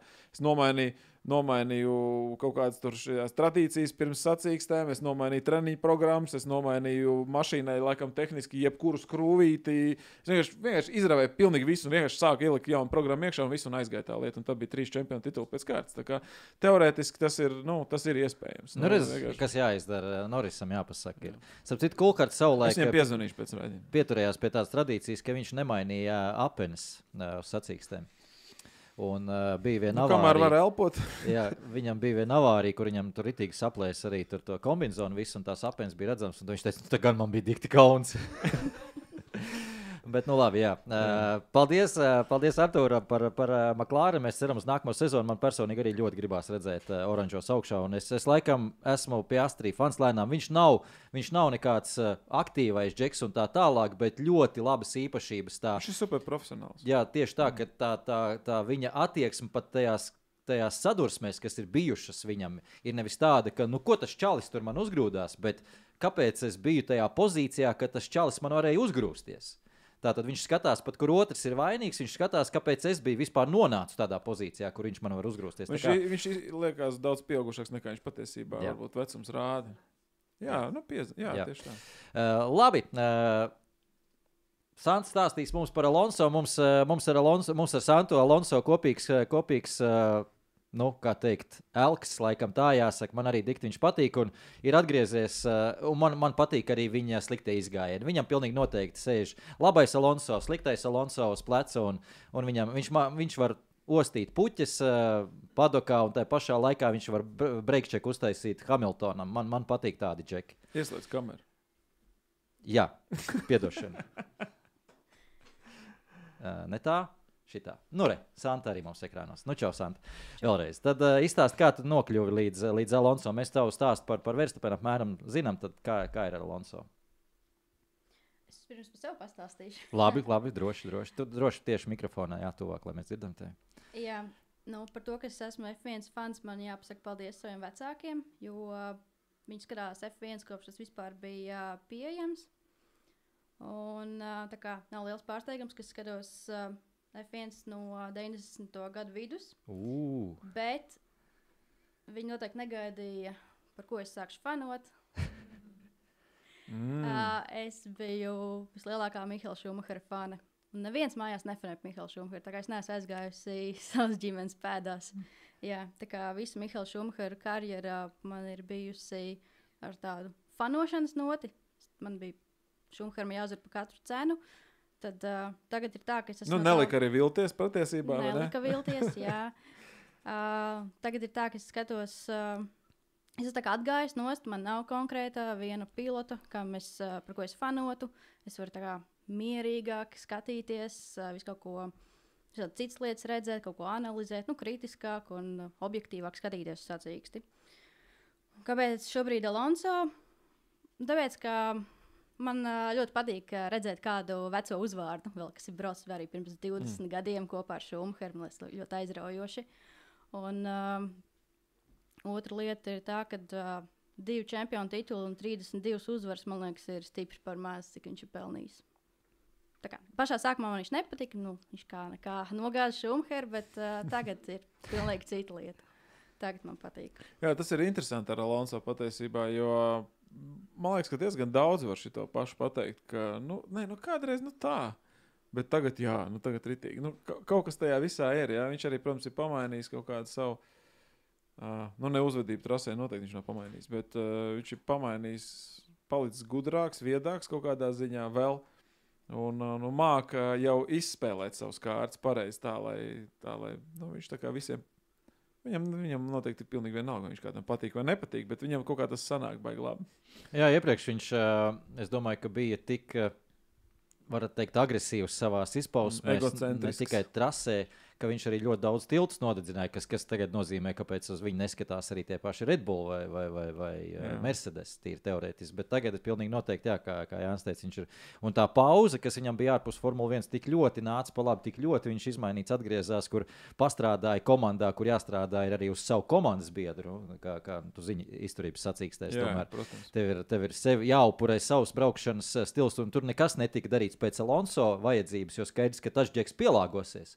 Viss tika darīts uz lēnākā prasībām. Tā ir lēnākais pilots tajā ekipāžā. Pēc viņa vajadzībām mēs pielāgojam mašīnu, lai viņš varētu pēc iespējas ātrāk pabraukt, un tad mums visiem tas rezultāts būs. Tā kā, nu, jā, viņš ir pilnīgi savādāks atgriezies, un es, es ļoti baudu viņa, eh, viņa, viņa sniegumu un arī to, ko viņš dara ārpus trases, un jo īpaši to, ko, kā viņš spēja manipulēt eh, arī ar eh, žurnālistiem. Nu, viņš tur ir tāds, tāds mīļumiņš, ka tik turies, bet, ka, ja vajag, viņš var visus, visus tur aptī, ap pirkstu aptīt. Man liekas, ka tas, tas ir baigi labi. Jā, viņš arī lieliski izspēlē. Viņš zina, ka tās radio sarunas tiek translētas. Viņš zina, ko kurā brīdī jāpasaka. Tas viss tik interesanti. Jā, nu, un izskatās, ka turklāt uh, Maiks Kreks ir bijis izpļāpājies, vai apzināti vai nē, ka, ka visdrīzāk ka tiek pagarināts jau līgums ar Alonso arī pēc 24. gada. Viņam līdz 24. gada beigām ir līgums, un mums nākamgad, starp citu, viena lieta, visi tie, kas arī skatās, es atgādinu, ka ir ļoti interesanti būs sezona nākamajā gadā. Tā, tas, kas notiks aiz kadra, respektīvi šīs sarunas par jauniem līgumiem, jo nu, tik daudz pilotiem kam beidzās 24. gadā mm. līgums. Nu, skaidrs, ka tas ir apzināti. Protams, viņi visi tagad tēmē uz to 24. Ja viņam beidzās līgums, es arī beigšu tajā, lai moškas viņu vietu dabūšu. Tā kā skaidrs, līdz ar to tās spēlītes būs baigi interesanti. Tur liela uzvārda. Jā, tā kā visi, visi lielie uzvārdi. Jo šogad mums nekāda baigā staigāšana. Nu, visi lielie nav, bet li, jā, daudz, ļoti daudz. Uh, jā, Leclerc, uh, un Norris, uh, šeit te ir tas jautājums, eh, kā tev liekas, Alonso tagad ir Aston Martin, vai tā ir īstā vieta viņam, vai īstā vieta arī palikt vēl viņam uz to, to pēdējo? Nu, skaidrs, ka cik Alonso vilks garumu, mēs jau tagad uh, runājam, ka viņš ir kiborgs, bet, bet cik ilgi vēl? Nu, kāpēc viņš vispār nomainīja no Alpīna uz uh, Astonu Martinu? Viņš gribēja laiku. Uh, Alpīna bija gatava ar viņu pagarināt tikai pa vienu gadu, kas viņam bija par maz. Mm, Astoņas dod to, ko viņam vajag, un viņš to ņem. Astoņi Martin tāds sajūta, ka ir uh, apzinājušies, kāds, kāds dārgumiņš viņiem ir ticis un ir gatavi, gatavi ar viņu strādāt. Jo man liekas, ka uh, tur, ir, tur ir tā vēl viena lieta, ko arī Kraks to jau viņš diezgan laika atpakaļ pateica, kā jau vācietis diezgan prātīgi, ka ar Alonso ir tāda situācija, ka ir ļoti viegli strādāt tehniskajiem cilvēkiem, inženieriem. Nevis tāpēc, ka, ka tur viņiem vieglāk kaut ko darbu, bet ka viņi uzreiz redz, ko viņu veiktās izmaiņas dod vai nedod. Alonso to momentā parādīs. Vai nu tur ir uzlabojums, vai nu tur nav uzlabojums. Un viņš izspiedīs no tās mašīnas visu, un mēs redzēsim, uz ko tā mašīna spējīga. Vai konkrētie uzlabojumi. Izlaižot, labi, viņš to, protams, vairs Maiks Kraks neteica, bet nu, pēc analoģijas spriežot, izlaižot strolu trasē ar tiem uzlabojumiem, mēs nezinām, vai tagad uzlabojumu dēļ tagad viņš ir uh, labāks? Jā, vai viņam ir labs garstāvoklis šodien. Vai, vai viņam kaut kas ir atradies, jā, vai viņš negrib braukt un tāpēc tā mašīna lēna. Mēs nezinām neko, bet ar Alonso mēs uzreiz zinām. Un tāds cilvēks ir vajadzīgs komandā, kura cenšas kāpt uz augšu, kurai ir resursi kāpt uz augšu, kurai smadzenes kāpt uz augšu. Un tajā, tajā mirklī ir vajadzīgs tāds cilvēks. Vai ir vajadzīgs tāds cilvēks tajā brīdī, kad cīnās par titulu? Nu, Alonso laik, laik, laikam ir vienmēr vajadzīgs. Es neredzu argumentus, kāpēc nē. Nu, paņemam savu atlikumu. Mm, Tā tad pirmkārt tas lēciens. Neskatoties uz to, ka ta, tas sezonas otrs nogrieznis nebija tik veiksmīgs kā sākums šajā sezonā, Astonas Martina komandai kā tādai. Jā. Bet, ja mēs ņemam vērā to, kādi cilvēki ir, no, kādus cilvēkus viņi ir pārvilinājuši uz savu komandu. Ņemot vērā to, ka tiek vei, uh, jaunā rūpnīca jau tūlītās jau ir gatava, un tas jaunais veids, tunelis un vispārējais, ir tās investīcijas, kas iet infrastruktūrā iekšā, vispārējais. Ņemot vērā visas šīs lietas, ir diezgan, nu, tā kā liekas, loģiski pat saprast, kāpēc uh, Alonso gribētu palikt tajā komandā uz ilgāku laiku. It īpaši ņemot vērā, ka visdrīzākais, nu, ja, nu labi, Red Bull Pēres jautājums ir tāds atklātāks, bet nu, ne Mercedesā, ne kādā citā ātrajā komandā visdrīzākais tur baigā pilota staigāšana nenotiks.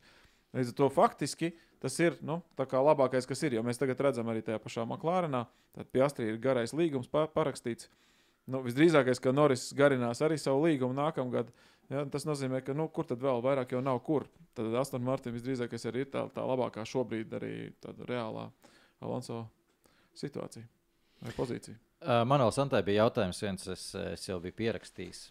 Uh, ka es, ka es tev gribu pajautāt uh, par Alonso. Kā tu domā attiecībā uz vecumu? Uh, kas, kas notur Alonso gadījumā to motivāciju? Jo tas vienmēr ir tas jautājums, jo, jo mēs te pieminējām par abu dabu runājot par to um, Hamiltonu, jo, manuprāt, tur tiešām tā motivācija bija. Un mēs redzam, ko nozīmē Hamiltons ar motivāciju un Hamiltons bez motivācijas. Viņš bija nekurienē.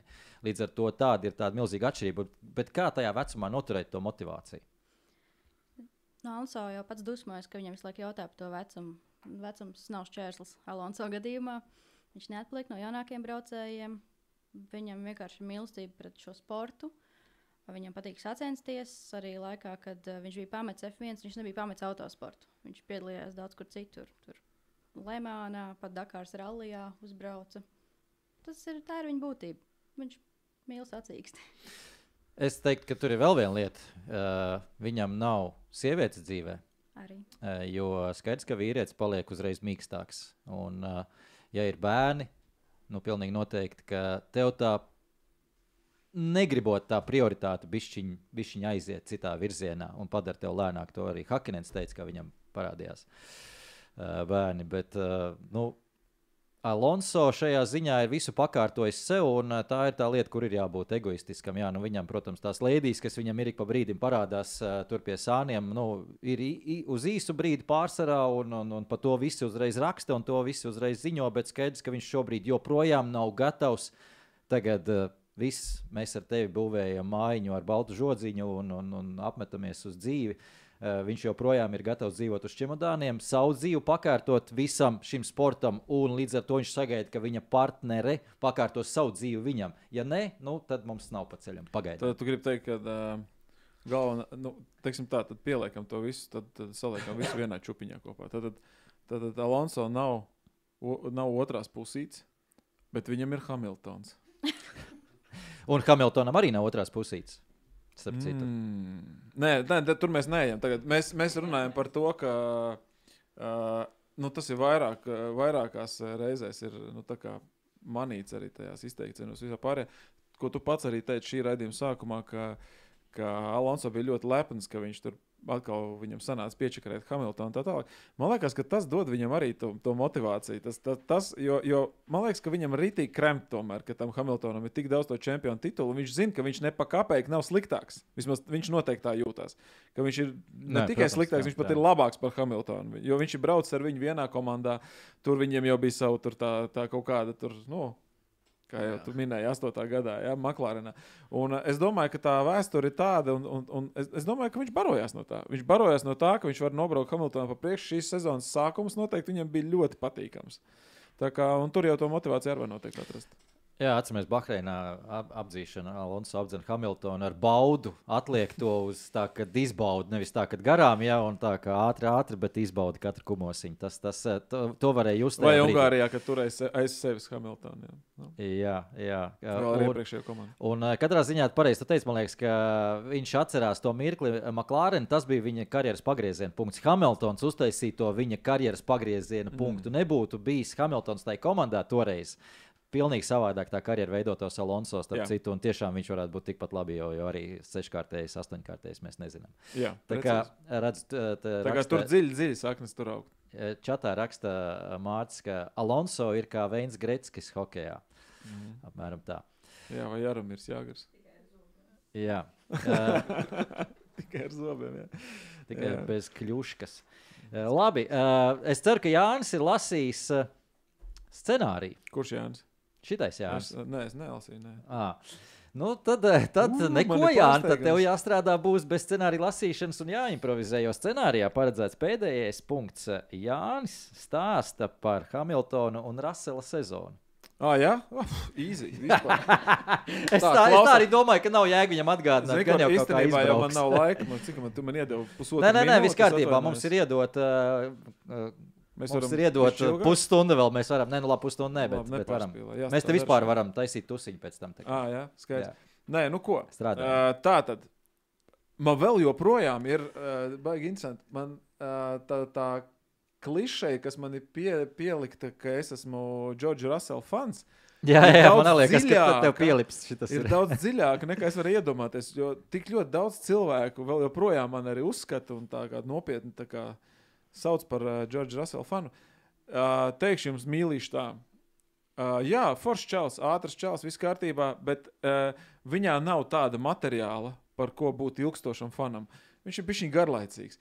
Viņš ir ātrs, viņš ir, viņš ir labs un uh, patiesībā tāds pilots, kas uh, brauc uh, tādā līmenī un ir kaut vai, nu, labi, mēs varam runāt ilgi un dikti par Hamiltona motivācijas lielumu un daudzumu un tā tālāk pret to visu situāciju, ko mēs jau te runājām. Uh, bet, uh, jā, viņiem ir vienāds, uh, vienāds kvalifikāciju rādītājs. Jā, jā. Hamiltons ir punktos sasits Rasels šogad Lupat Leveros, bet pagājušajā gadā bija cits stāsts. Jā.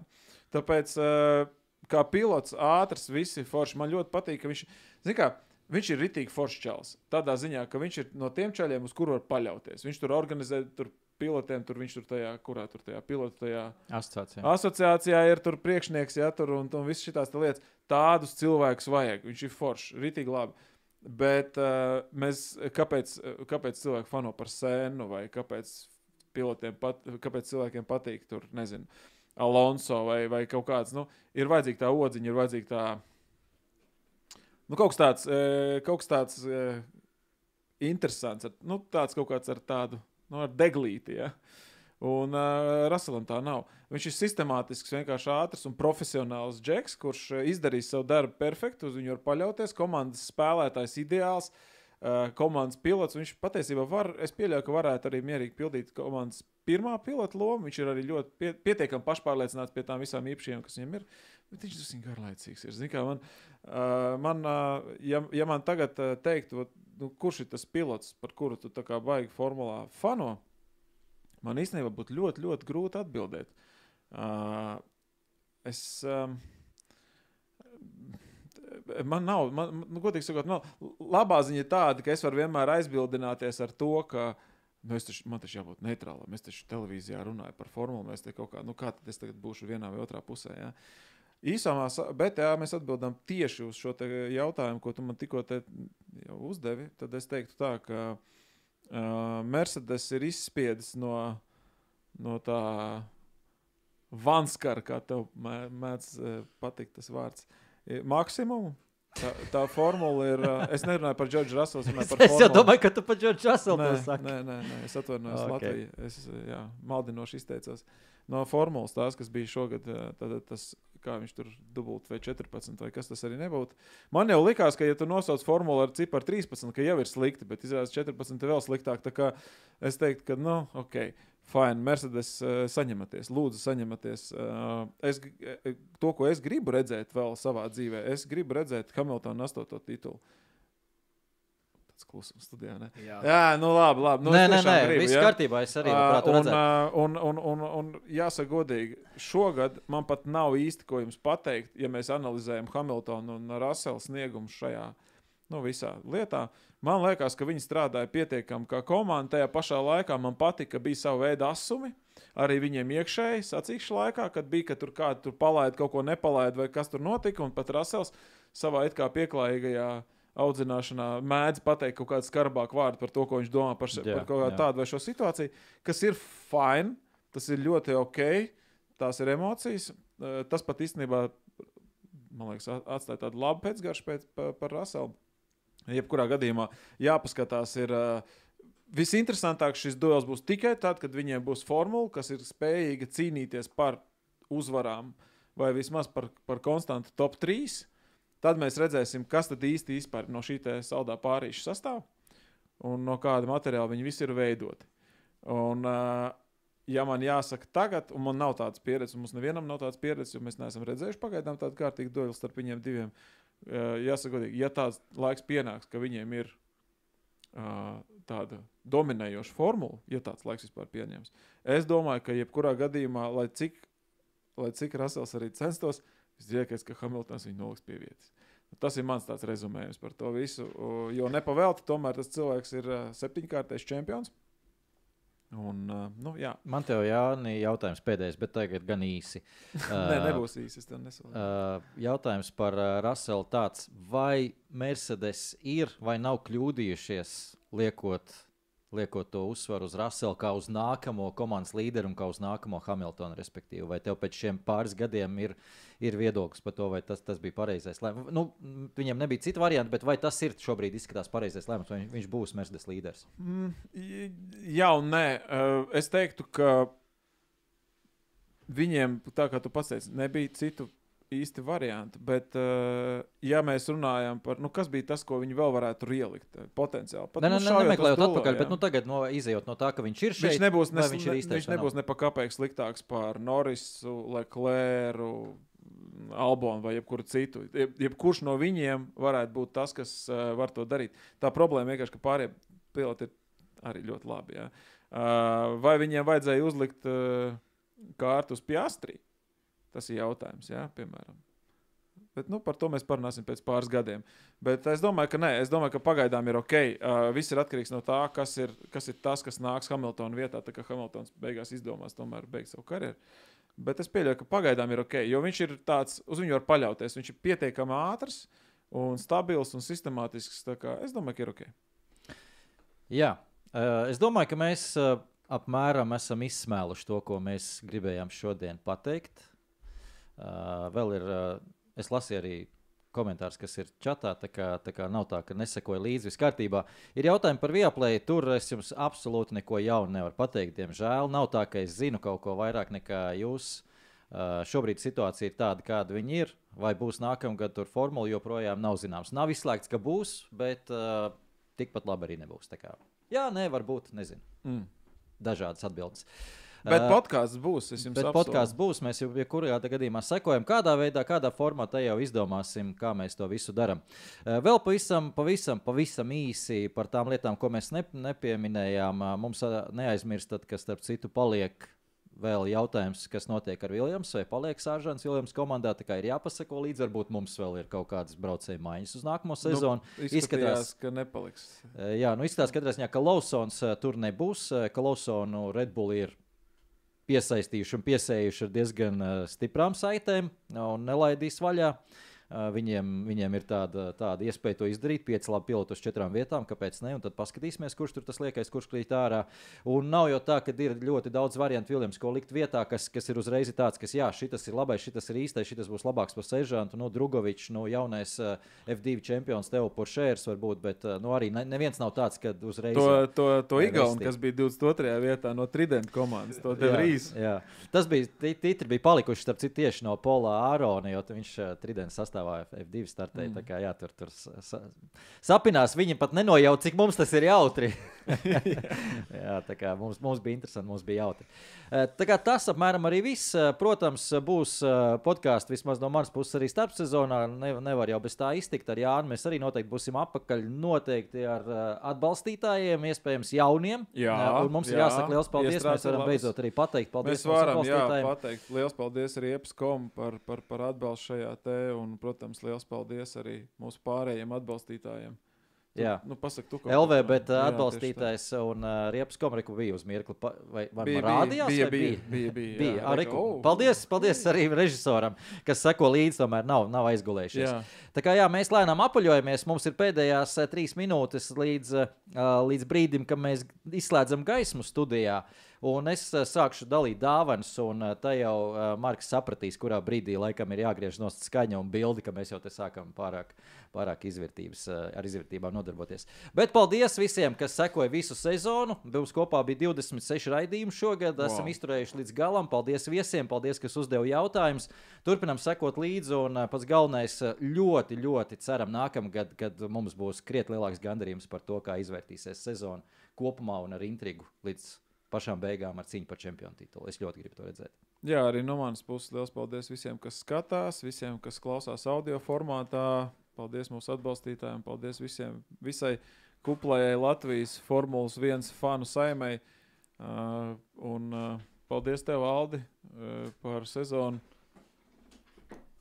Paldies, ka iedeva man iespēju arī pakomentēt uh, brīvos treniņus. Tas bija arī tāda interesanta pieredze. Tā kā Man ir vēl viens ā, ātri jāsaka, sporta avīze. Jā, mums arī atsūtīja žurnāls, un man, ā, man atnāca ziņa, ka man obligāti jādod ir uh, tev, Artur. Noteikti viens, viens no Jo tu esi McLaren līdztais, tur ir pa McLaren raksts, tā kā tev, tev noteikti. šis Ā, nu, lieliski. Vēl būs, vēl būs dāvanīs, tā kā, tā kā jā, es piemetīšu te klāt arī sporta avīzes. bet Jā, tā kā paldies visai latviešu tautai. jā, Paldies, kā saka, tā kā es pirmajā raidījumā, liekas, teicu, labrīt vai labdien Latvija, tad tagad es varētu teikt, attā Latvija. Labvakar, Latvijā. 96 dienas, starp citu, ir palikušas līdz. Uh, Nu, mēs jau tiksimies ātrāk, noteikti arī. Bet, uh, jā, trīs posmam. mēneši paies ātri, tūlīt tās Ziemassvētki, jaunais gads, turpu šurpu un jau sezona klāta. jā. Labi, paldies. Es tās dāvanas sākšu dalīt. Jā, visi droši vien domā, Jā. ka es, uh, ka es tikai Nu, stāstu. pasaka, čau, vismaz tā pieklājības pēc visiem. Čau, jā. tā, čau jā. visiem foršiem cilvēkiem. tā kopā, kopā jāuzliek kaut kāds, kaut kāds plāns, kaut kāds koplāns. Ej, un tagad vajadzēja mūzikai sākties kaut kādai, un tur jāmet austiņas pa gaisu un kaut ko Jā, tādu. Jā, šito, šito es arī tevu. Kā, uh, kurš mums bija Ferrari? Kurš mums bija Ferrari? Ferrari. Ferrari, Uvis, Uvis, Uvis. Ferrari ir Ferrari. Tāpat to nedrīkst ārā vilkt, nedrīkst rādīt, jo, jo mēs nedrīkstam alkoholu reklamēt. Tā, re. Bet tur ir oficiālais uh. Ferrari. Uh, ju- jums arī bija, vai ne? Ferrari šampanietis. Jā, jā, tieši tā, oficiālais Ferrari šampanietis. Mm. Tā, man ir tas sadalīts pēc, pēc nopelniem. Tas, mums bija Santai. Santai arī žurnāliņš. Paldies, Santa. Paldies, paldies ka atnāci. Paldies, ka atnāci. Mājās, mājās, mājās. Tā. Aldis būs kā saltēts. Lūdzu, lūdzu. Un Mārcis tev arī jāpastiepjas. Jā, labi, labi, labi. Lūdzu, lūdzu. Tas viss, tas viss eh, mums no Alfa Tauris, starp citu. Mums tev arī lūdzu. Kolosāli. Labumiņš vismaz. Tu jau Alfa Tauri tiks, es pie, pie Alfa Tauri, tā kā tev vairs nebūs. Nu, laikam beidz dalīt dāvanas. Nu, labi, nu ko, nu viss tad. Viss, jā. Paldies. eh, Liekat, liekat laiku. Spiežiet like, share, eh, Subscribe. eh, subscribe un visu pārējo. Jā. Labi, atā. Čau. Tiekamies nākamā sezonā.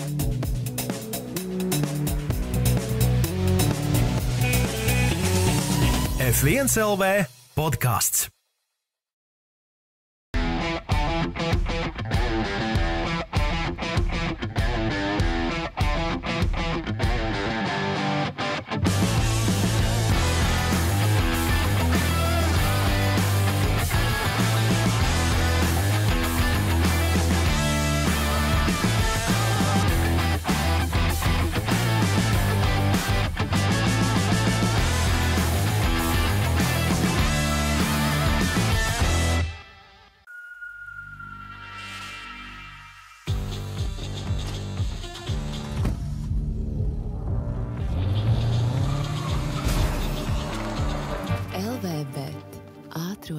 LVB ātrā izmaksu kazino.